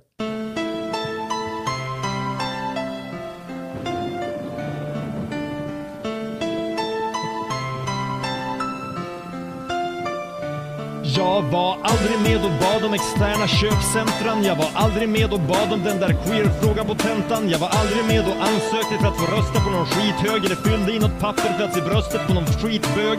Beställde aldrig kanalen med porr och musikvideos utan urskiljning. Har inget minne av att ha stött någon alternativ familjebildning. Jag har varit ungdom men endast sällan sökt någon vård och aldrig knivat någon tant på grund av någon nedlagd ungdomsgård. Jag blev inte informerad när de kom på att graffiti var konst. Men jag vill gärna informera, jag har kommit på att det är fittekonst. Och missade jag mötet när vi kom överens om kapitalismen var jag och pissade under mötet och alternativet blev gay-syndikalismen. All makt från folket som sitter och ser på Bachelorette. Det här med totalitarism känns plötsligt mindre fel än rätt. Eller skulle det vara fel sätt? Det var jag aldrig med och bestämde. Måste man tycka att alla får tycka som de vill? Aldrig någon som nämnde. När man förbjöd mig att ha vapen var det knappast för min skull. Och när man släppte på livegenskapen måste jag ha varit full. Jag var nog även äckligt aspackad 1921 när parlamentarismen gick från dum idé till skämt nummer ett. Vi hade helt missat att tidelag varit lagligt i 50 år. Men det är inte så konstigt, tänker 10 sossar, 15 får och en kondor. Jag måste varit i stugan när man delade upp all makt. När ni andra satte er ner och skrev ert jävla samhällskontrakt. Uh, alltså, när bestämde ni det? Jaha, alltså... Uh, alltså, vad var jag? Ja, ja, men alltså, var var jag då? Vi var inte med och pytsade några slavar till Amerika. Vi hur vita och hetero som helst men ändå inte mer rika. Har aldrig nitat någon tjej eller sparkat någon hund. Ni bolsjeviker och demokrater har styrt upp det här från första stund. McDonalds skylt exakt lika jävla gul och röd som Lenin. Men tyvärr är Ronald McDonald mindre ful och död än Lenin. Jag måste varit sen innan de kom på att historien var slut. Men så är inte fallet för den där jävla Göran Persson sjungit ut och den sista liberalen slungats ut från den sista kanalen. Och den sista militanta tribaden, fått en buttplug i analen. Det var ingen som hörde med mig om jag ville välja elbolag. Eller när man skippade skoluniformen en riktigt kolsvart dag. Vart fan var jag? När ni bestämde att allt gick för sig. Jag offrar lätt allt jag gillar för att slippa allt som stör mig. Och framtiden finns inte i några hattraktat eller häften. Den finns hos vem som helst som kan säga åt andra att hålla käften. För mig det går 50 individualistbögar på en kvadratmeter är det bara ett par tre stycken per miljon som törs vara profeter. Denna skara profeter värde mer än all bluff och båg i full rulle. Än alla grisar som samlas i luft runt tråg och kör runkbulle. Uh, alltså, när bestämde ni det? Jaha, alltså... Uh, alltså, vad var jag? Ja, ja, men alltså, var var jag då? Vilken äkta norrländsk man kan ha gått med på förbudet mot kniv? Och vem fan är det som håller alla pedofilerna vid liv? Vem är det som enbart sänder dokusåpor och damfotboll och sen skyller på att det är vad folk vill ha? Som att det spelar roll? Varför frågar ingen mig hur min terrorkortlek ska se ut? Salin, Sharon, Jens Orback och Krille X sen kväll med kuk. Vänta bara tills hämnden kommer, snart så slår jag till. Vad som än må komma blir det exakt just som jag vill. Jag avskaffar i attacken även fjantiga fenomen som Sverok. Det är inte en ursäkt att spela rollspel att man är ensam, ful och tjock. Med olika vapen och hjälpmedel bedriver jag monogamt hor. Utnyttjar knäckta kvinnor i politiskt syfte som en kvinnojour. Förr eller senare måste det för i helvete bli lugn och ro. För den här skiten kan väl för i helvete inte tvingas bo. Tiden börjar stunda, då det är dags att avrunda. Det enda jag ville se till är att ni fattar att jag väl tvår mina händer. Jag har sagt emot hela tiden och det är inte mitt fel när det väl händer.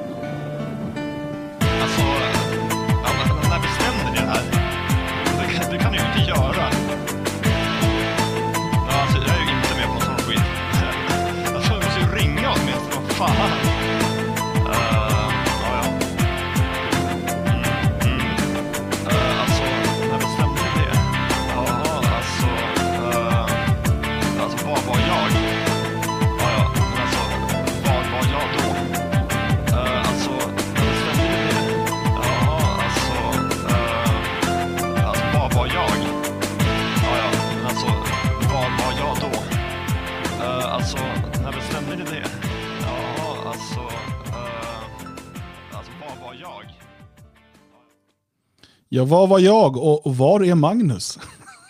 Va? är han inte här? Obehagligt. Har du gjort, gjort dig av med honom? Jag trodde han var och checkade Arabi. Han sa något sånt. Så att jag... Förlåt. Nej, här kommer han.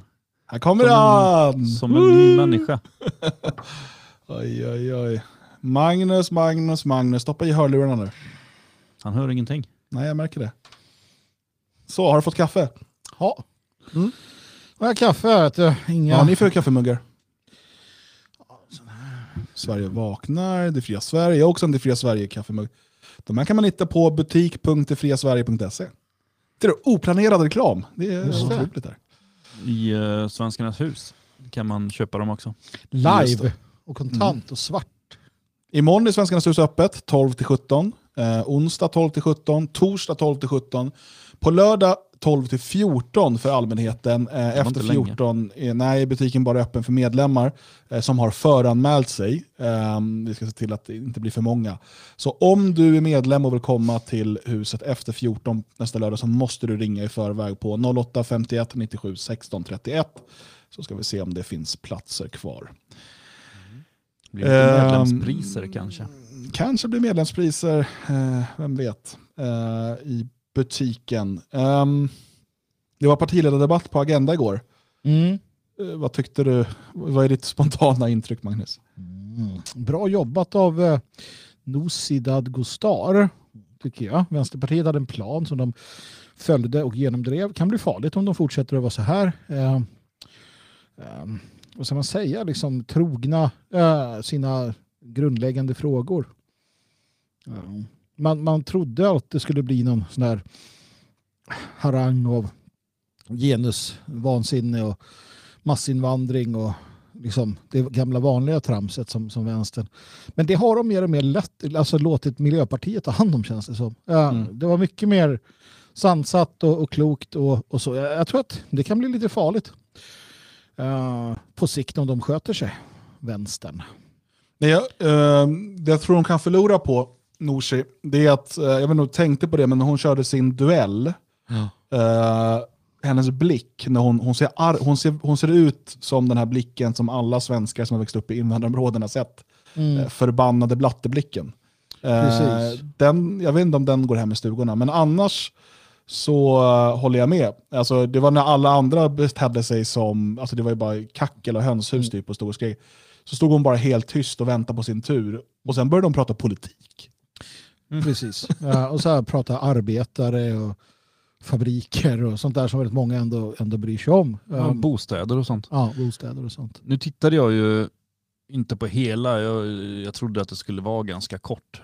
Så att jag, jag slog ju på det vid, vid eh, tio över åtta för att jag hade glömt. Eh, och sen så tittade jag fram till nio och då sa de att nu blir det aktuellt, sen fortsätter vi och då tänkte jag nej, nej, nej, nej, mig lurar ni inte utan jag stängde av. Men så fortsatte det tydligen efteråt, så den biten missade jag. Eh, men eh, så, så att jag har ju inte något eh, fullt intryck från hela alltihop, men ett eh, det lilla intryck jag fick var ju samma som Magnus där. Jag tycker ju att, alltså i min värld så vann hon därför att hon pratade politik och Mm. Eh, betedde sig sakligt och korrekt. Ehm, hon gjorde ju, det var ju för några år sedan så var ju han ehm, Stefan Löfven, han är ju statsminister och eh, ledare för Socialdemokraterna. Det är därför vi har med dig för att ha sån här kunskap eh, i programmet. ja, ibland måste det släppas fram. Ehm, han eh, mötte ju Åkesson när de pratade någonting om eh, våld eller vad det var. Och, och då började han prata om någonting annat. Så Bara, Jaha, men om du bryr dig så mycket om kvinnor. Och Ja, så bara prata om LAS tror jag. Mm. Ja, just det. Eh, och det var ju väldigt klantigt, väldigt osnyggt, väldigt konstigt. Eh, men hon gjorde ju precis samma sak. Mm. Hon bara, ja men om ni bryr er om kvinnor, eh, varför byggs det inte fler bostäder? Mm. Och så förklarade hon det, förde liksom sitt resonemang eh, till punkt. Mm. Vilket blev fullständigt logiskt och genialt. Mm. Snyggt gjort, bra jobbat. Eh, för att det är klart att det är ett bekymmer om, om man ska kunna lämna sin man i och med att det är så många män som slår sina kvinnor, som alla var överens om.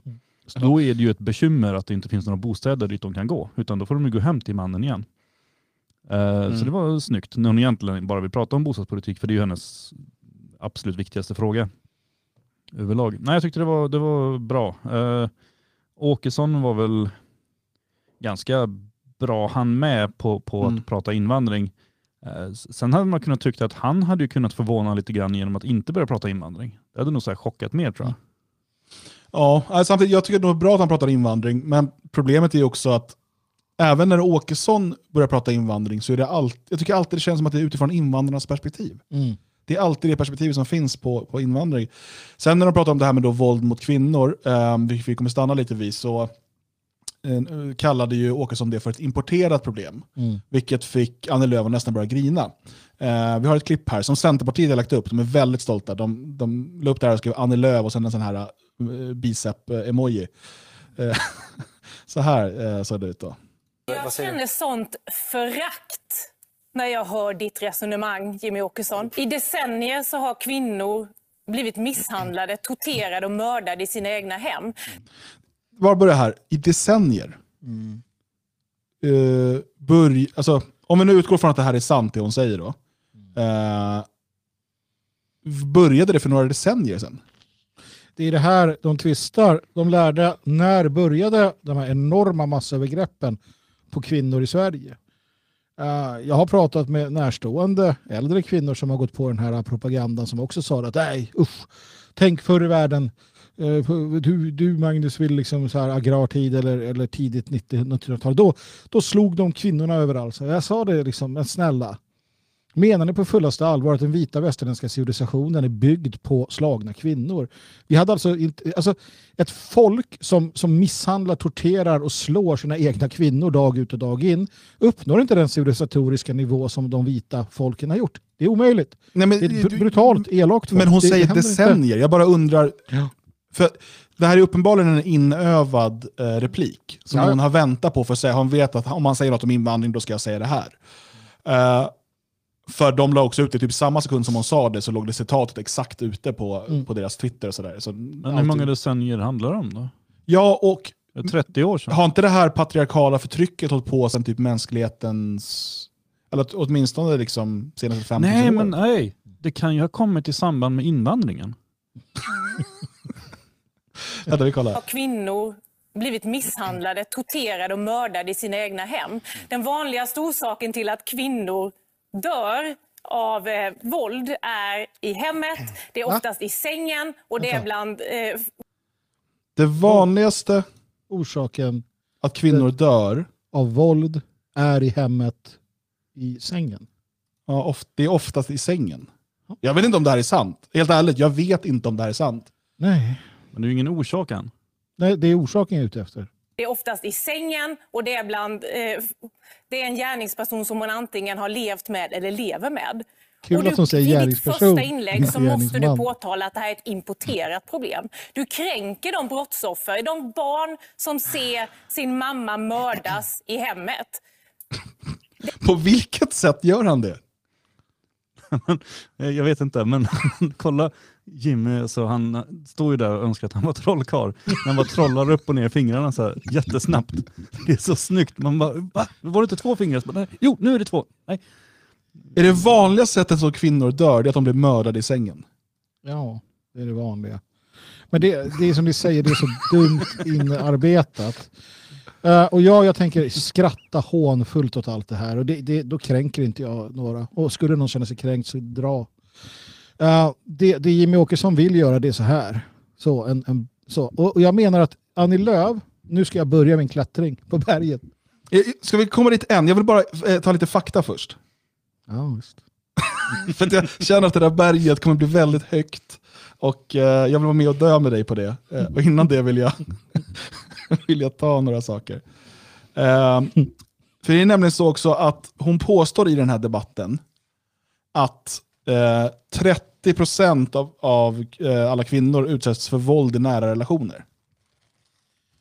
Var tredje kvinna utsätts för våld i nära relationer. Eh, och då eh, är det någon här som har hittat från Brå, eh, våld i nära relationer. Eh, och då står det så här. Även när man studerar psykiskt våld och fysiskt våld separat visar sig utsattheten under 2012 vara jämnt fördelad mellan könen. 6,8% av kvinnorna och 6,2% av männen utsatta för psykiskt våld. Medan 2,2% av kvinnorna och 2% av männen utsatts för fysiskt våld. 30% av kvinnorna! Eh, Jag vet inte om det är sant, men jag bara, det var en liten annan statistik där bara. Men eh, det vi konstaterar där. Tror ni att män är ehm, mer eller mindre angelägna att anmäla sin partner för misshandel uh, än kvinna är? Klart man inte gör det.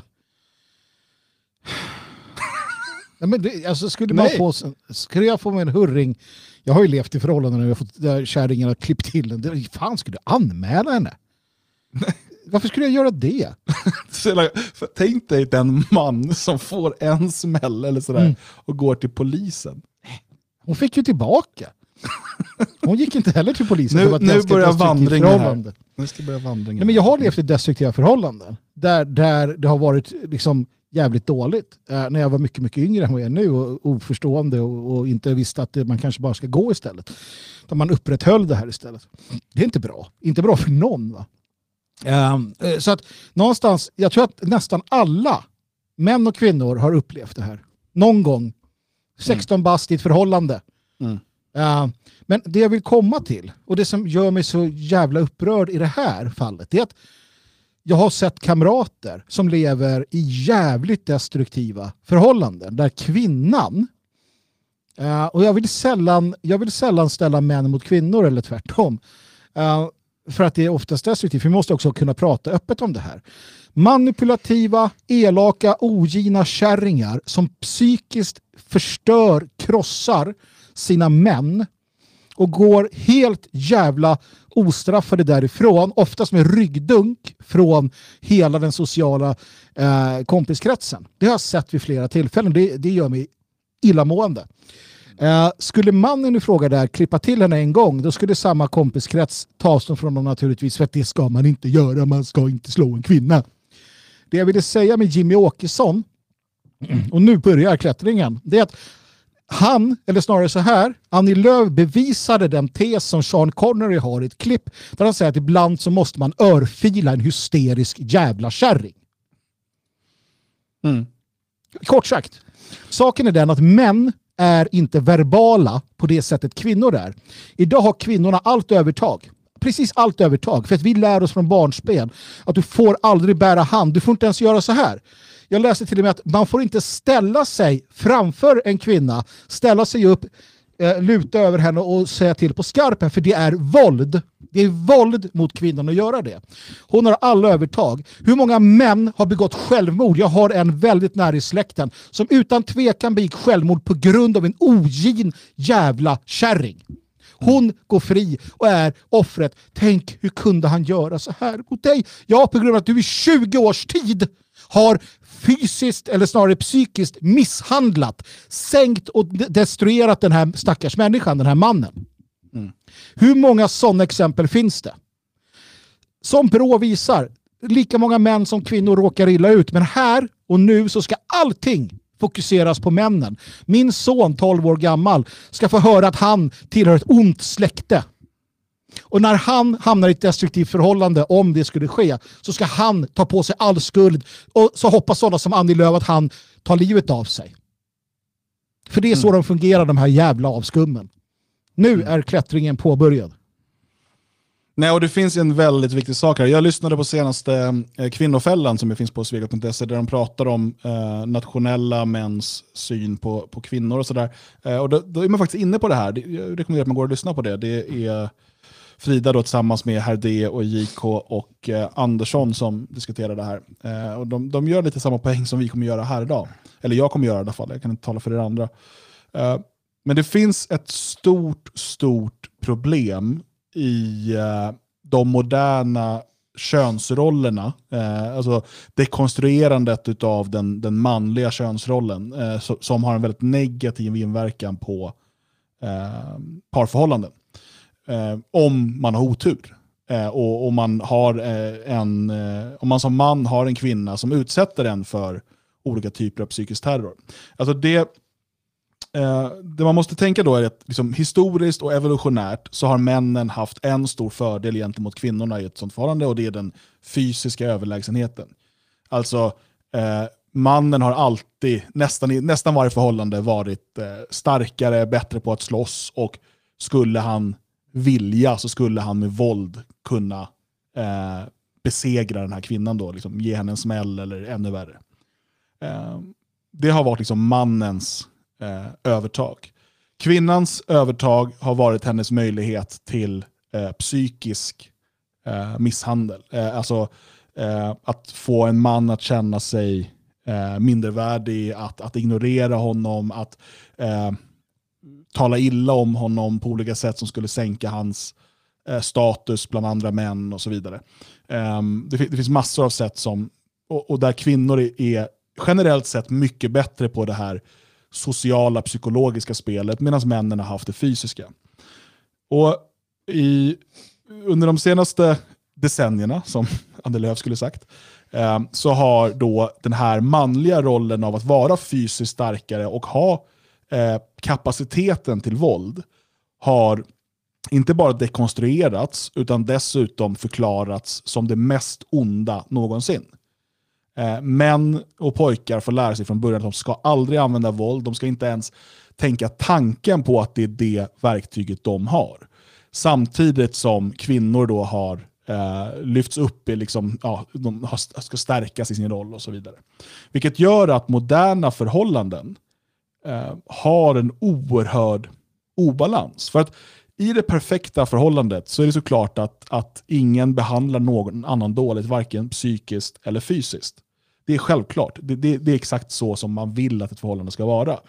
Men det är också så att eh, när kvinnan hela tiden kan hota med, alltså utan att säga det, att hon kan använda sina, eh, den, den, här psykiska eh, terrorn och mannen hela tiden eh, indirekt har liksom hotet med att jag skulle kunna lappa till dig och du har inte en chans mot mig. Så uppnås en typ av terrorbalans som eh, gör att, eh, precis som en terrorbalans mellan könvapennationer eller något annat, gör att man inte attackerar varandra. I dagsläget så har man rivit ner den ena delen medan den andra har stärkts. Vilket gör att vi ser en ökning eh, under lång tid av självmord eh, och eh, psykisk eh, ohälsa bland män. Och vi ser att eh, förhållanden inte fungerar. Allt det här hänger ihop. Jag säger inte att det här är liksom den enda anledningen, men dekonstruerandet och nedvärderandet av det traditionellt manliga och maskulina förstör den här terrorbalansen. Och när man står i partiledardebatten och pratar om kvinnomisshandel, eh, och liksom, eh, som att det vore liksom, det största eller det, en, liksom det enda problemet till och med. Utan att faktiskt tala om dysfunktionella relationer i liksom, den, det moderna samhället och faktiskt resonera kring varför har det blivit så, vad är det som händer? Det kanske är så idag att eh, fler män slår sina kvinnor än vad det var för 50 år sedan. Det, det, det kanske är så, jag vet inte. Men det skulle ju sin tur kunna bero på att istället för att man dels har den här terrorbalansen eller att man kan på liksom ett väldigt lätt sätt fysiskt tillrättavisa en kvinna när hon går för långt i ett tidigt skede. Istället under år, år, år bygger på sig och nästan alla män har varit i ett sånt här förhållande, som du, som du sa Magnus. Mm. Eh, man utsätts för en, en, psykisk terror och bryts ner. Och då eh, finns risken att det någon gång slår över. Eh, jag ursäktar såklart inte att man mördar sin kvinna, det, det är inte det vi pratar om. Men det, det är som om man vill prata om ett problem utan att diskutera orsaken till problemet. Utan man fortsätter att påstå att orsaken är en, en uh, ja, att män är män. Liksom. Det är kanske att män inte får vara män som gör att vi har de problemen vi har. Det tror jag snarare, eh, till stor, stor del. Eh, och jag menar, eh, återigen så kan jag bara koppla till den här eh, så hur man värderar det hela. Eh, jag, jag tror att många män har hört antingen från sina nya flickvänner eller i sällskap så här att åh, vet du vad, han slog mig. Min förra kille, han var dum. Han slog mig. Uh, och alla sa, åh fy fan vilket svin. Va? Uh, och det är liksom, det är en dålig människa. Och mannen sa, ja min förra tjej hon var elak. Så, ja, ja, jo men det, det är sånt som händer. Men det är just det här. Uh, det, det, det är att det som kvinnorna har, det vill säga eh, sexualiteten, den, den ska de få ha kvar. Det är någonting som, som eh, också feministerna trycker på. Korta kjolar, utmanande kläder, hela den biten. Pusha på den. Det är ett vapen. Mm. Förstår man inte grundläggande mänskligt beteende så förstår man ingenting. Va? Därför kan jag säga det. Uh, det är ett vapen. Sexualiteten är ett vapen. Deras behag är ett vapen som de kan använda i den här, eh, den här kampen mellan män och kvinnor. Det finns en sån. Det är en naturlig sån eh, kamp. Eh, en lek skulle man kunna kalla det för också. Ganska rolig när man, när man är på rätt nivå. och där har de det bland annat. De har också den här förmågan att, att liksom manipulera, att, stä, att, att få alfa eller få hannarna att, att liksom brösta upp sig mot varandra och så vidare. och så vidare. och vidare. Det är inget konstigt. Jag håller inte det emot dem. Inte ett dugg. Jag är glad över det så. Jag vill att det ska vara så. Fortsätt med det. Var liksom de kvinnorna är. Problematiken ligger mm, framförallt i att männen eh, blir liksom eh, feminiserade eller demaskuliniserade idag och har de- senaste liksom, decennierna snarare. Eh, där de tappar alla sina vapen eh, som du var inne på där. Och då blir det väldigt skevt, väldigt ojämnt. Eh, och därtill så bygger man det upp en, en och det är här som, som Norsjö och liknande också vaknar till liv. Man bygger upp en, en stat, en, en välfärdsstat som ser till så att kvinnor, män också naturligtvis, men framförallt kvinnorna, eh, kan bli ihop med staten istället för med en man och leva sina liv med, med, med liksom allt vad det innebär. Ja. Så att man gör ju medvetet så. Och det är här som är könskampen, splittringen mellan könen och så vidare. Uh, och det är som, att, som du säger där Dan, att i, i den, och det är därför det inte har varit så tidigare. Man har inte slagit varandra. Man har inte i den utsträckningen och man gör det inte heller för de flesta är ganska eh, kloka, vilket, vilket den här undersökningen visar. Problematiken är att det börjar hända saker nu där männen blir ensidigt utmålade som monster. Kom ihåg Rox och 20 år sedan vad hon kallade män för och så vidare. Jag läste senast idag på Twitter hur någon elev i skolan, eh, 15-16 år, hade lämnat in en uppgift eh, varför, eller varför man ska döda alla män i skolan. Ingen repression, ingenting. Bara så här, ja men det här är rätt. Liksom. Eh, Och det här kommer också slå tillbaka på kvinnorna naturligtvis. Jag vill inte att det ska vara så. Jag vill att kvinnor ska vara kvinnor och män ska vara män. Ja, alltså, det här är så, så himla svårt ämne att prata om egentligen, för att folk vill ju missförstå. Så här, tycker ni att man ska slå eh, kvinnor? Eh, Nej, det verkar, man ska inte slå någon som inte förtjänar det. Mm. Det är liksom, eh, men, men hela eh, idén... Alltså man har, man har på, på alla möjliga sätt berövat män eh, deras roll. Inte bara rollen då som, som den fysiskt starkare och som har det som vapen, medan kvinnor kanske evolutionärt, om man liksom är lagd åt det hållet, har utvecklat då den här eh, eh, möjligheten, det här sociala, det, det psykiska och så vidare som vapen. Eh, medan männen har haft det fysiska. Men, men det du är inne på här också, man, så man, mannens roll som, som försörjare, som eh, beskyddare av familjen och så vidare, försöker man montera ner. Det är inte helt borta. Det är inte så att alla män liksom går med på det här, men på ett samhälleligt plan så har man aktivt arbetat för att beröva mannen, återigen, på hans identitet, det som vi pratade om i Svenskarna. Alltså, och, och det man, jag, jag tror att vi ser är väldigt ofta ett, eh, ett bakslag av den eh, könskampen. Ja, när det inte handlar om uppenbara galningar som finns av båda könen, liksom, som det oftast är. Eh, missbruk eller Ja, annat. självklart. Det kommer alltid finnas... Alltså, Ja, och det är ju, det är ju, det. Är- ja, eh, precis. Alltså människor med, med andra bakomliggande problematiker. Men när man talar om... För det, det, det talas alltid, alltid om eh, mäns våld mot kvinnor. Men varför pratar vi inte om den grundläggande problematiken med dysfunktionella förhållanden? Eh, Det är som att man inte... Det, det är som att eh, psykisk misshandel, om vi ska använda det begreppet, det värderas inte alls lika högt. Och då vet man inte... Alltså, som man hade jag ju hellre tagit en örfil, eller tre, än att liksom utsättas för långvarig psykisk misshandel av en kvinna, vilket som sagt de flesta män som har varit i förhållande har varit med om. Mm. Men jag vill också ta upp en annan sak bara för att visa. Jag ska också snart låta Björn få säga någonting för att jag vill gärna höra Han försöker hålla sig undan här, Tänker. Ja, det är möjligt. Han ska fan inte komma undan. Han ska dras upp på det här berget. Nej, men så här. Ska dö med oss. Eh, i, i, många En år... för alla, Björn. I många år när man har varit en del av den nationella oppositionen så har det funnits tillfällen då vi har hamnat i, i delo med våra meningsmotståndare. Under många, många år så fanns det en, liksom, ett stridsrop i princip hos alla som vi är överens om. Vi slår inte kvinnor. Inte om det ens är liksom AFA-tjejer som kastar brandbomber eller kaststjärnor. Vi Men inte slår ett missförstått ridderligt ideal. Jo, verkligen. För till sist, jag vet, jag var en av de som till sist sa jo det gör vi visst det. Slå dem och slå dem hårdare än de andra för den delen. Uh, alltså, vad är det för dumheter? Titta på, det finns massa sociala experiment eh, som görs, säkert en del falska men många rik- riktiga, på, på YouTube. Om en man i offentligheten liksom gör så mot en kvinna så är det liksom full, männen, vita riddare, springer dit. När kvinnan står och slår mannen så bryr man sig inte eller tycker det är lite småkul. Det är den verklighet som är och han vågar inte göra någonting. Svenska nationalister har i årtionden sagt nej, vi gör ingenting, det är, kvin- det är tjejer, vi slår inte tjejer. Men det är ju för fan antivita eh, liksom fiender. Nej, inte tjejer. Ja, för att det har satt sig så djupt. Och vi är ju, i det sammanhanget var ju vi då mer gentlemannamässiga än vänstern som alltid har riktat in sig på just våra kvinnor.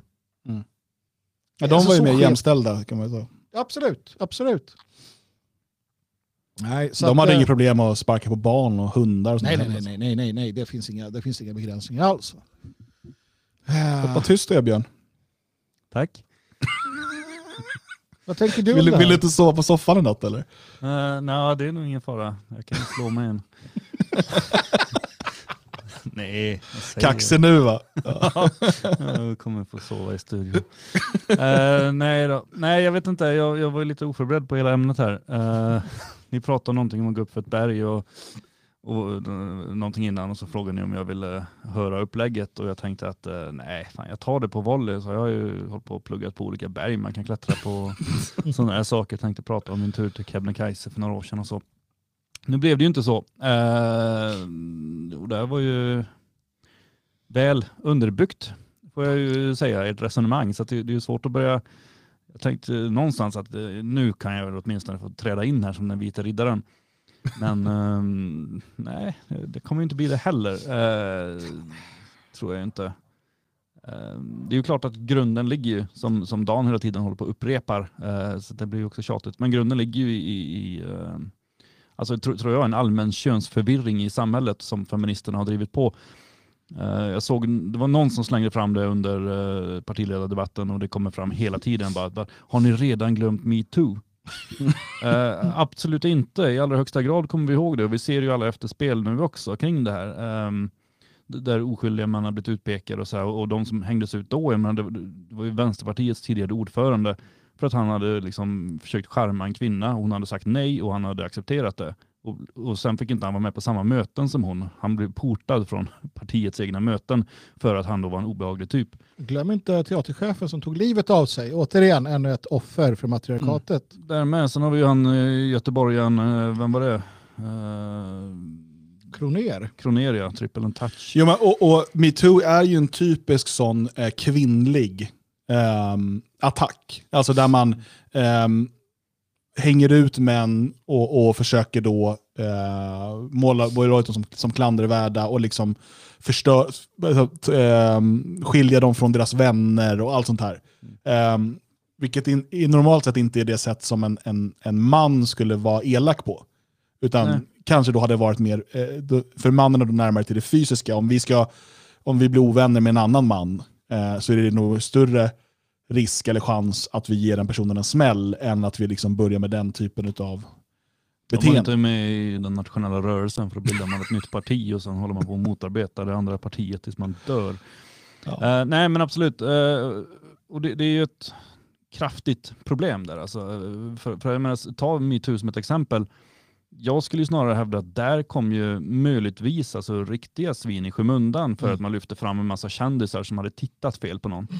Eh, det är ju klart att det finns psykopatiska män, det finns riktigt störda individer som eh, misshandlar kvinnor för att de är svagare, för att de har ett maktbehov och sådär.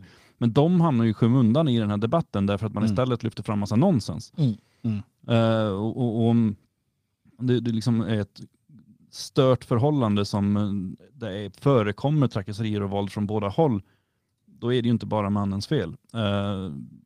Men, men allt det lyfter fram mycket mera, vilket då gör att de enskilda tragiska exemplen där samhället borde sätta ner foten, de hinner ju inte med där ens. Det finns ju, ja, jag, jag har ju några kvinnor i min bekantskapskrets som har råkat ut för sådana män och liksom lever med skyddad identitet och sånt där. Men, men det är svårt för dem att få det därför att det är så pass mycket annat som lyfts fram som, som inte samhället borde bry sig om överhuvudtaget, som inte samhället borde lägga resurser på. Men det, det, som, det som kommer hända i framtiden är också, och det här är det farliga äh, i det här, för att jag, jag tror att det är inte många eh, utav tjejerna som, som växer upp som Det är inte det att de vill bli så här elaka mot, mot män eh, generellt sett i sina framtida förhållanden. Och så. Det, de, de kommer, Det är ingen flickdröm. Nej, ja, men det som kommer hända det är att mannen, eller de unga männen lär sig väldigt snart att våld aldrig under några som helst omständigheter, och det hela det här sensitivitetsträning och skit. Va? Um, man, man ska liksom inte ha det i sig. Kvinnan lär sig att uh, fortsätta vara som hon är. Liksom.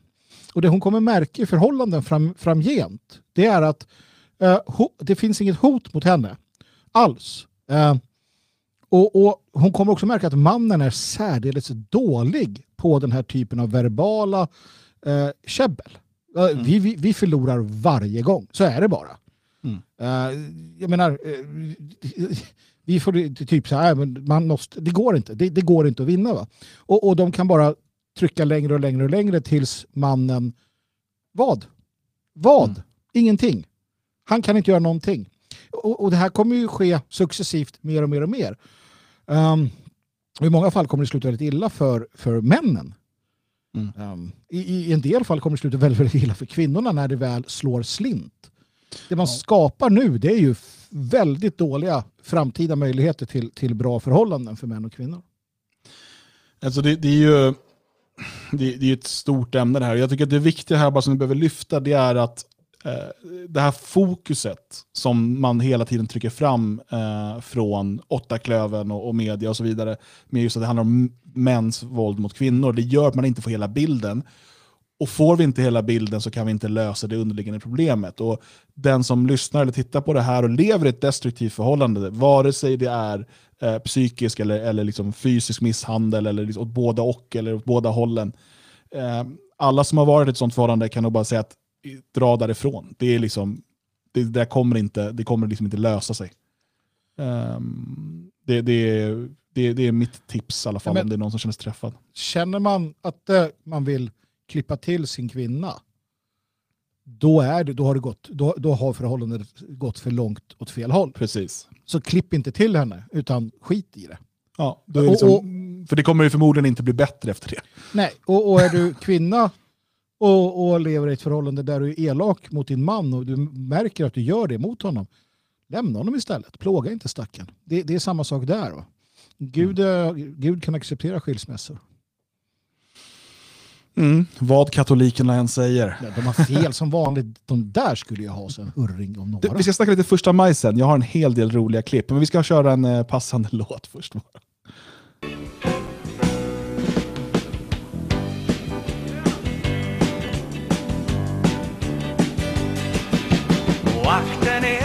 Jäntor och deras falska blik. Det är en falsker jäntans blick som haver krossat mig.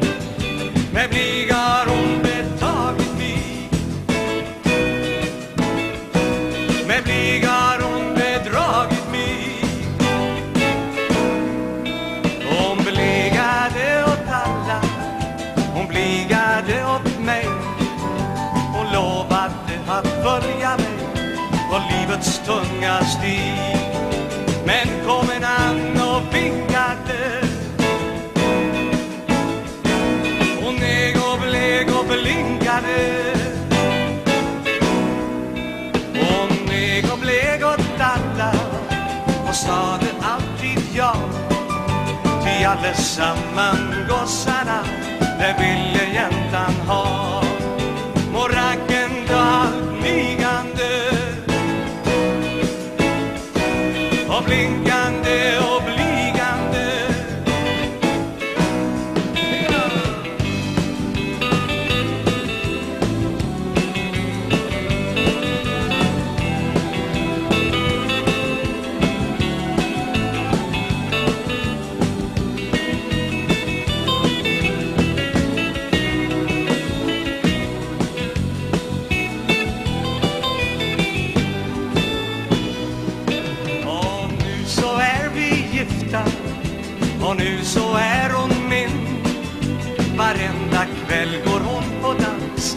hjärtevännen sin. Sen går hon hem och dänger mig. Jag tror jag går och hänger mig.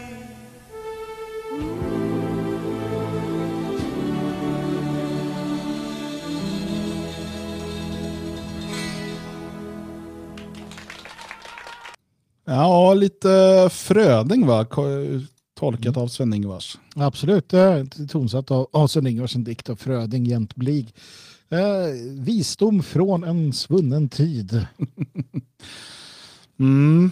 Eh, första maj var ni ute Nej, ni var i Svenskarnas hus. ja. Mm. ni var inte ute och ute och demonstrerade. Jag var inte heller ute och demonstrerade. Det var kravaller i Neukölln, tror jag, eh, i Berlin. Mm. Eh, osäker på om det var vad det handlade om. Men det brukar vara kravaller där första maj, så att det var, ingen som, det var inget man riktigt reagerade på. Eh, men det demonstrerades ju även i eh, Stockholm. Men innan vi pratar om eh, den demonstrationen eh, då mot coronarestriktionerna så ska vi få ta del av små delar av tal ifrån Socialdemokraterna. De firade ju digitalt första maj nämligen. Ehm, och ehm, Först har vi ett litet klipp här från eh, statsminister Stefan Löfven som förklarar den moderna klasskampen. Och så länge kötid finns, kort eller lång, så kommer den elev som har föräldrar som arbetar vid en dator ha fördel i skolvalet framför den vars föräldrar sliter i vården eller kör buss. Hängde ni med? Ja. Ja, det här att vara datatekniker, det är du. Han har ju aldrig handlat på internet har han berättat. Eh, det är bara kul att eh, han är ju då emot det fria skolvalet. Att man själv ska få välja vilken skola ens barn går i. Och han motiverar det då med att de som har föräldrar som arbetar vid en dator, de kommer ju hinna liksom ansöka före de som inte gör det. Mm. Så är det. Men alltså det är, i hans värld är det där säkert extra här, konstigt för han har ju ändå berättat att han kan ju inte ens handla på internet. Utan han, det var ju därför han var tvungen att ta med sig sin livvaktsstyrka och trängas där i julhandeln. Men sen är han ju också så jävla mossig. Eh, alltså, det handlar ju också om att han ser den som arbetar vid en dator som bourgeoisien. Men Det är så också som att han tror att alla som arbetar vid en dator kan sitta och hålla på med privata saker bara för att de är vid en dator. Han, vid en dator? Ja, men då sitter man väl och kollar som där Twitter. Men tänk, de- tänk de som jobbar på SLs eh, ledningscentral och sitter med massor med skärmar och datorer och så här. Ska de bara säga, "Nej, men vad fan, just det." Jag skulle säga att man har typ lika stor chans som någon på ett annat jobb där man har en mobiltelefon. Mm. Alla som har en mobiltelefon på jobbet, det är orättvist. Jag tänker så här att när jag höll på med flytt till exempel eh, så hade det nog varit mycket lättare för mig att ta upp mobiltelefonen och ansöka för mina barn än bara för någon som sitter vid en dator och till exempel svarar på telefonsamtal Ja. i någon växel. Mm. Mm. Ja, det, det var roligt. Men vi har, vi har ett till tal också. Eh, nu, och nu dras det igång här. Nu är det Mogge. Ah. Lill-Mogge är igång. Nu kör han. Det blir ingen borgerlig regering om högerpartierna vinner valet. Det blir en högerregering. Den mest högerinriktade regering som Sverige någonsin har sett. En auktoritär och reaktionär blandning utav löntagarfientlighet, främlingsfientlighet, kvinnofientlighet och klimatförnekande. En Trump-regering. Som söker sina politiska förebilder i Ungern och i Polen. Två länder där grundläggande rättsstatliga principer sedan länge ifrågasätts. Det är där de har sina förebilder. Det är det som är vårt motstånd. Tro aldrig något annat. Och det är mycket mörkare än något annat vi mött tidigare. Om vi förlorar den här striden, då kommer Sverige att förändras till något som vi aldrig sett tidigare. Där gemenskap ersätts av splittring, där sammanhållning ersätts av konfrontation, där tillit ersätts utav misstro. Det är det som i slutändan står på spel. Det är därför som det är viktigare än någonsin att vi tar den här kampen. Att vi står upp för solidariteten, för jämlikheten, för demokratin, för alla människors lika värde och rätt, för det som är och alltid har varit de grundläggande budskapen på arbetarrörelsens högtidsdag, första maj. Tack ska ni ha. Tack. Till den symboliska schavotten med karn. Ja, vad, inte, alltså vad, vad många inte vet är att det finns alltså stativ som är så pass låga så att man kan filma honom utan att det blir sånt. Jag tror inte de hade stativ. kan vara så. Jag gillar ju det faktum att, att vi nu står eh, inför en, en blåbrun Reaktionär. reaktionär regering. Eh, Men alltså, men- tycker han att, att, att samhället idag präglas av gemenskap och sammanhållning? Ja, det gör det. I hans lilla eh, klubb i alla fall. Märta Stenevi eh, i partiledardebatten, galen tant. Hörde ni när hon sa till Vem var hon debatterade med? Ebba var det va? Nej, Mm. skönheten och odjuret. Ja, kan ha varit så. Men då sa hon hela tiden, ja men eran, er regering som kommer, vad, vad ska ni göra då? Eh, Er regering kommer ju, och sen så efter ett tag så här, ja, ja, er regering, alltså om ni får som ni vill med er regering. Hon hade ju redan kastat, ner, kastat, handduk, kastat in handduken halva liksom, monologen. Mm. Jag bara säger det. Hon, var ju, hon är ju liksom övertygad om att det blir en blåbrun, och den är ju fascistoid. Va? Och jag tänker, Mogge här, det är fantastiskt här. Uffe Kristersson, Ebba Busch och, och Sabuni. Kommer du ihåg när de var hos Orban? Och bara, bra Orban. Nej. Liksom. Nej. Nej, det har nog inte hänt va? Nej. Men det är ju för att det inte har varit valen. De ska ju bygga det här efter valet. Det blir ju en Trump-regering. Fantastiskt. Han flyttar Trump. hit. Ja, med Trump som president.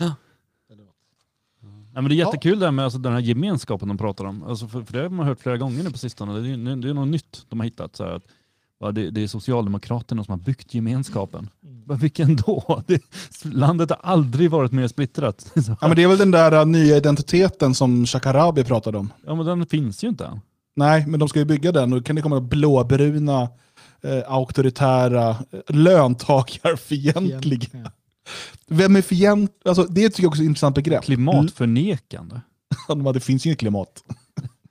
Det regnar ute? Nej. På Per Albins tid, då var sossarna bra. Sluta. Sluta. Det får mig börja tänka på den där andra första maj-demonstrationen.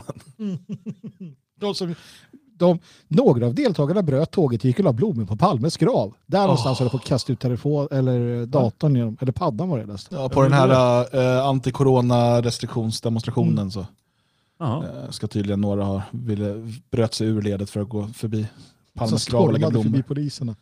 Palme, det var bättre med Palme! Ja, men de kanske bara passade på när de var i Stockholm. Eh, men låt oss prata om den här första maj-demonstrationen då. Ja. Eh, det hölls ju demonstration. Eh, de har ju hållit några stycken nu eh, här mot coronarestriktionerna. Eller ja, vad det nu är emot. Jag är Ja, det är inte osäker på, och det är väl lite det här vi måste prata om. För att okej, vi alla tre är emot de här restriktionerna. Mm. Eh, vi, jag tycker att det är bra att folk protesterar mot det. Och jag tror att de allra flesta som deltar på den här demonstrationen är där för att de är emot restriktionerna Mm. och är liksom, tycker att nu räcker det, skärp er, öppna upp samhället. Ja. Men det är ju också ett jäkla spektakel. Eh, dels är det ju liksom hela den här hippie-grejen eh, som jag har väldigt svårt för. Eh, och dels så verkar det ju dra till sig eh, alla typer av alternativa människor, eller vad man ska kalla det för. Eh, det är ju intressant, det finns ju människor eh, som, eh, du vet, de är de mest kritiska, du vet, de, de har, vi, vi, vi har kritiskt öga mot allt, vi går inte på någonting, men de går på allting. De går på allting som någon utanför systemet säger. Liksom. Mm. Eller någon guru eller vad det nu De är. tror inte på något som inte sägs på Facebook. Nej, Ungefär. Eh, och när man, se- för det är en jätteviktig fråga som lyfts på demonstrationer och det är därför demonstrationen i sig är lovvärd. Eh, och, och liksom att man från Sverige AB inskränker våra grundläggande fri och rättigheter. Ehm, men det är också så himla svårt att ta den här rörelsen och demonstrationen på allvar när man bjuder in till att göra sig till åtlöje. Alltså, man har samma problem som nationalister har haft i demonstrationer. Um, och jag menar, vi kan idag liksom romantisera eh, skinnskallar och så vidare, men på den tiden vi försökte bygga politiska partier och skulle ställa upp i val och liksom försöka få någon typ av majoritetsröster eh, och så vidare, då var ju det det var ju ett sänke för oss eh, liksom, i början på 2000-talet när liksom skinnskallavågen hade lagt sig. Det fanns de här övervintrade som typ kom fulla till demonstrationer med hakkors i pannan. eh, och det är alltid de som fastnar på bild. Mm. Eh, och, och det var ett problem och man försökte jobba på olika sätt för att försöka lösa det här. Och här har vi då en, en rörelse, en demonstration som arbetar för väldigt viktiga saker. Alltså, borde, liksom, borde hålla sig till det här grundsaken om att liksom, eh, sluta inskränka våra fri och rättigheter, bort med restriktionerna, eh, inget eh, vaccintvång och så vidare. Men så blandas det liksom med eh, paroller eller liksom sådana här plakat om allt ifrån eh, 5G till eh, vägsalt dödar till, alltså det finns ju hur mycket som helst. Och det är självklart att det är det här som sen då syns i eh, media. Och jag är med i några sådana här Facebookgrupper eh, som organiserar det här, för att jag tycker det är fascinerande att följa. Och här sitter man ju, de, jag tror att de är stängda, så jag ska inte visa några skärmdumpar, men då sitter man ju och, och liksom resonerar. Så här, men vad, vad, vad ska vi ha för, eh, vil- vilka plakat ska tillåtas? För det får, främlingsfientlighet tillåts inte, rasism tillåts inte. Men liksom vägsalt dödar tillåts. Mm. Ehm, eller typ döda pastörs eller hata pastörs eller vad fan det Mm, stod. det är en viktig Eh, konflikt. Ja, eh, och eh, då, då, är det liksom, då är det massa, det här, man får inte säga det ordet längre, det som är B-ordet. Kvinnor i B-åldern. Ah. Som sitter och så här, ja men frihet och kärlek, då, men det är bra, det kan ju ingen angripa oss för. Ja, och så säger de, Åh, ja vi ska ha en massa hjärt och bara så här hippiegrejer liksom. Och så, då blir det så en blandning av de här hippiebudskapen och vägsalt dödar och, och hata pastörs. Och, och så ser man tittar på bara, vad är, det är en freakshow i den bilden man får utifrån. Som sagt, jag är övertygad om att de allra flesta som deltog i den här demonstrationen var där utav den anledning som vi alla kanske tror att demonstrationen ska handla om. Eh, och att man liksom är eh, förnuftiga, vettiga människor. Men det blir också väldigt svårt att ställa sig bakom det när det också blir eh, liksom, som en blandning av liksom Hare Krishna och Flat Earth. Jag har ju inga hästar just det här loppet själv. Jag minns i Tyskland så har det varit ungefär likadant. Fullständig röra. Det har varit precis lika, värre, värre med, med tokerier. Eh, Och det reagerade jag inte på. Jag blev inte upprörd. Jag blev upprörd av det här, dårskapen. Jag blir det. Eh, jag blir arg. Varför blev jag inte det när det gäller Tyskland? Jo, jag tänkte på det. Och, och det beror på en enda sak. I Tyskland är det okej. Eh, när jag flyttade ner dit förut så insåg jag att eh, Dan visade mig någonting. Det fanns alltså på riktigt eh, huliganer mot salafister. Eh, alltså huliganer, det var en grej. Och, och Det var en demonstration där huliganer och gamla tanter eh, på riktigt stod gemensamt mot någon moské eller någonting. Och så var det slagsmål. Och de presenterade sig som så här, huliganen, gegen, salafisten. Det var deras rörelse. Och de var stora och det var många och så folk. Alltså allt, everything goes i Tyskland. Och, och då, när jag såg då hippisar och allting tillsammans och så där, då tänkte jag, det är Tyskland. Det är lugnt. Alltså, det är inte, I Sverige är det konstigt. Sverige är inte Tyskland. Va? Eh, och, och, och som sagt, det, det, det ser inte bra ut helt enkelt. Och jag tror att mycket, eh, mycket försvinner i, i den, eh, den problematiska optiken som kommer. Med det sagt, som sagt, jag håller med dig då. Jättebra att, att många går ut. Det var ju väldigt många som var där um, på demonstrationen och, och med, med, med gott i hjärtat. Då. Men det blir knepigt. Hur man ska lösa det, det är inte, det är inte upp till mig. Ja, men, att, jag, ja, men jag tycker att man som organisatör, nu vill väl ingen vara det officiellt för att det är olagligt eller något, jag vet inte. Eh, så kan man ju också ställa krav. Om jag tänker på, vi har ju arrangerat demonstrationer allihopa, med, eh, och, och de största har ju varit större än den här som var nu, eh, med liksom upp mot 2000 deltagare. Då har man ju kunnat hålla ganska tydliga krav. Och, jag menar, om vi demonstrerar eh, som eh, Folkets marsch på nationaldagen som vi drog över tusen personer, eh, som gick genom Stockholm, hade någon då kommit med liksom en skylt, jag vet inte vad det skulle stå där, jättekonstigt, som liksom inte har med saken att göra. Typ, ehm, jag vet inte. mellanmjölk. ja, och det är så här, men vänta, eh, ta bort den där. Det här är inte varför vi är här. Och du får, liksom, ja, vägsalt är säkert skitdåligt, men det är inte därför. Alltså, det tar fokus ifrån en viktig fråga. Genom att Mm. alla tycker så här, men det här är min chans att hålla upp mitt plakat med min fråga. Då kan man ju liksom, man samlas ju där under för en sak, borde det vara åtminstone. Jag tror att i samma ögonblick som du gör detta, då dödar du hela grejen. För att det här är någonting vilt i, sitt, i sin natur. Det här är någonting som, som vi inte riktigt, i alla fall jag känner det, jag har inte, det är något, det är något apart utifrån. Ja, fast problemet blir ju att man når ju aldrig hela vägen fram då. Då når man ju alla som vill någonting eget, som brinner Mm. jättemycket Mm. för liksom, någonting. Liksom, bara ät nässelsoppa. Liksom. Mm. Och, "Ah, Det här Mm. måste jag gå ut och tala om för alla nu. Men, men det blir ju de som syns och det blir ju där fokuset försvinner samtidigt som Expressen kör någon stor grej om coronaförnekare, vilket det ju inte heller varit frågan om. Eh, Så, det blir ju dels desinformation från gammelmedierna samtidigt som det är ganska lätt att desinformera om man kan visa upp alla stollar med konstiga plakat. Eller bra människor men ändå med plakat som inte passar där. Jag tycker till exempel, alltså, man såg den här um, eh, revolten i, i Ukraina när alla var ute och demonstrerade. Alla tyckte olika saker, Och- men man gick ändå tillsammans. Det liksom stod någon galning och spelade säckpipa i regnet och någon annan bara bar ut ett piano och satte sig och spelade. Mm. Och folk, liksom antirasister och rasister och liksom judar och, och antisemiter, alla bara gick där och liksom tillsammans bara hatade och älskade och gjorde massa konstiga grejer.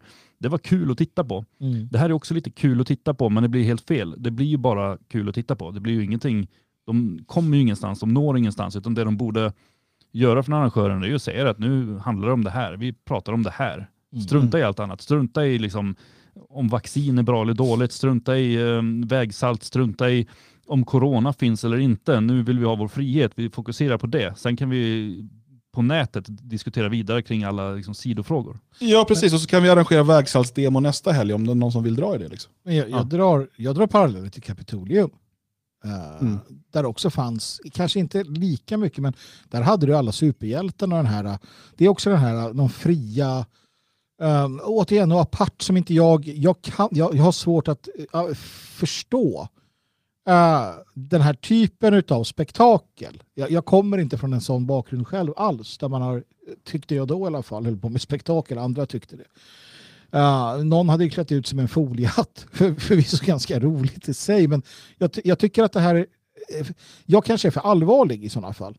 För att jag tycker att det, det här med, med pandemilagarna, det, det är allvarligt. Det, det här handlar om inte bara min, men framtidens frihet, eh, samhälleliga frågor. och Så, eh, att det ska liksom narras bort av virvlat vatten och, och vägsalt, det kan jag inte köpa.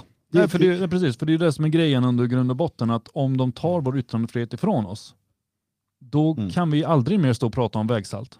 Men om vi nu kan enas kring att eh, låt oss få tillbaka vår yttrandefrihet, låt oss få tillbaka vår rätt att demonstrera och protestera.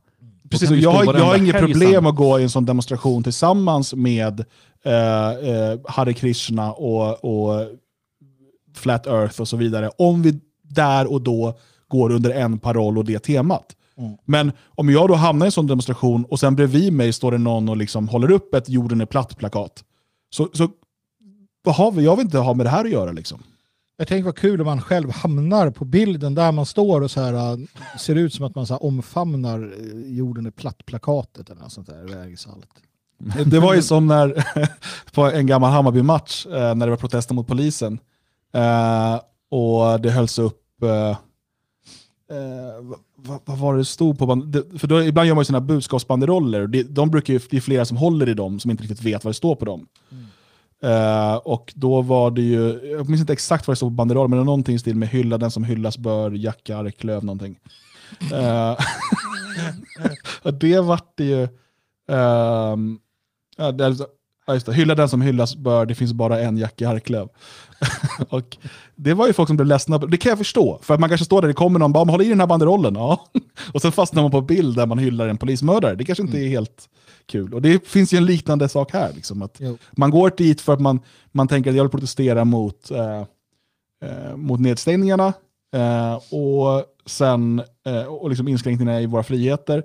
Och sen hamnar man bakom en banderoll eller ett plakat eh, där, jag vet inte, som tar ställning i någon 1800-talskonflikt mellan eh, Pastörs och den andra, Bechamp eller vad. Ja, nej, det blir, det blir ju jättekonstigt. Det blir, jag tänker på Almedalen för massa år sedan när, när vi var där och så försökte vi ju ta våra, inte de allra kändaste politikerna, men hyfsat kända politiker och så ställa dem liksom omfamnande kända andra politiker och så såg vi till att de bilderna spreds och så vart det ju såna här artiklar. Bara, här står Gudrun Schyman och kramar om nazistledaren och sådär. Hon visste ju inte om det. Liksom. Hon stod och kramade om tusen pers den dagen. Så här, men det gäller ju bara att sprida bilden rätt. Och det, det blir ju lite samma grej där, att man, man hamnar i situationer man inte hade förväntat sig när man bara vill väl. Jag, jag säger som uh, Ocean Cantwell. Eh, han skriver om det här i Aftonbladet med Visa demonstrationen. pattan. Ah, nej, det var det han sa förut. Ja, det var det, ja precis. Uh, nej, men jag kan ju ha fel också. Jag kan ha fel i det att det kan vara en, en tid, att, att jag är eh, efter min tid, eller före min tid.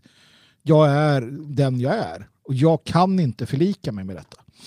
Det kanske är så att de här har rätt. Det är kanske den här typen av uh, vildhet och, och anarki som, som till sist skapar förutsättningarna för eh, uh, järnnäven. Det, det är möjligt. Jag vet inte. Jag kan inte vara en del av det. Jag klarar inte det. Jag ler inte. Jag gläds inte på samma sätt som de här människorna. Det är bara så.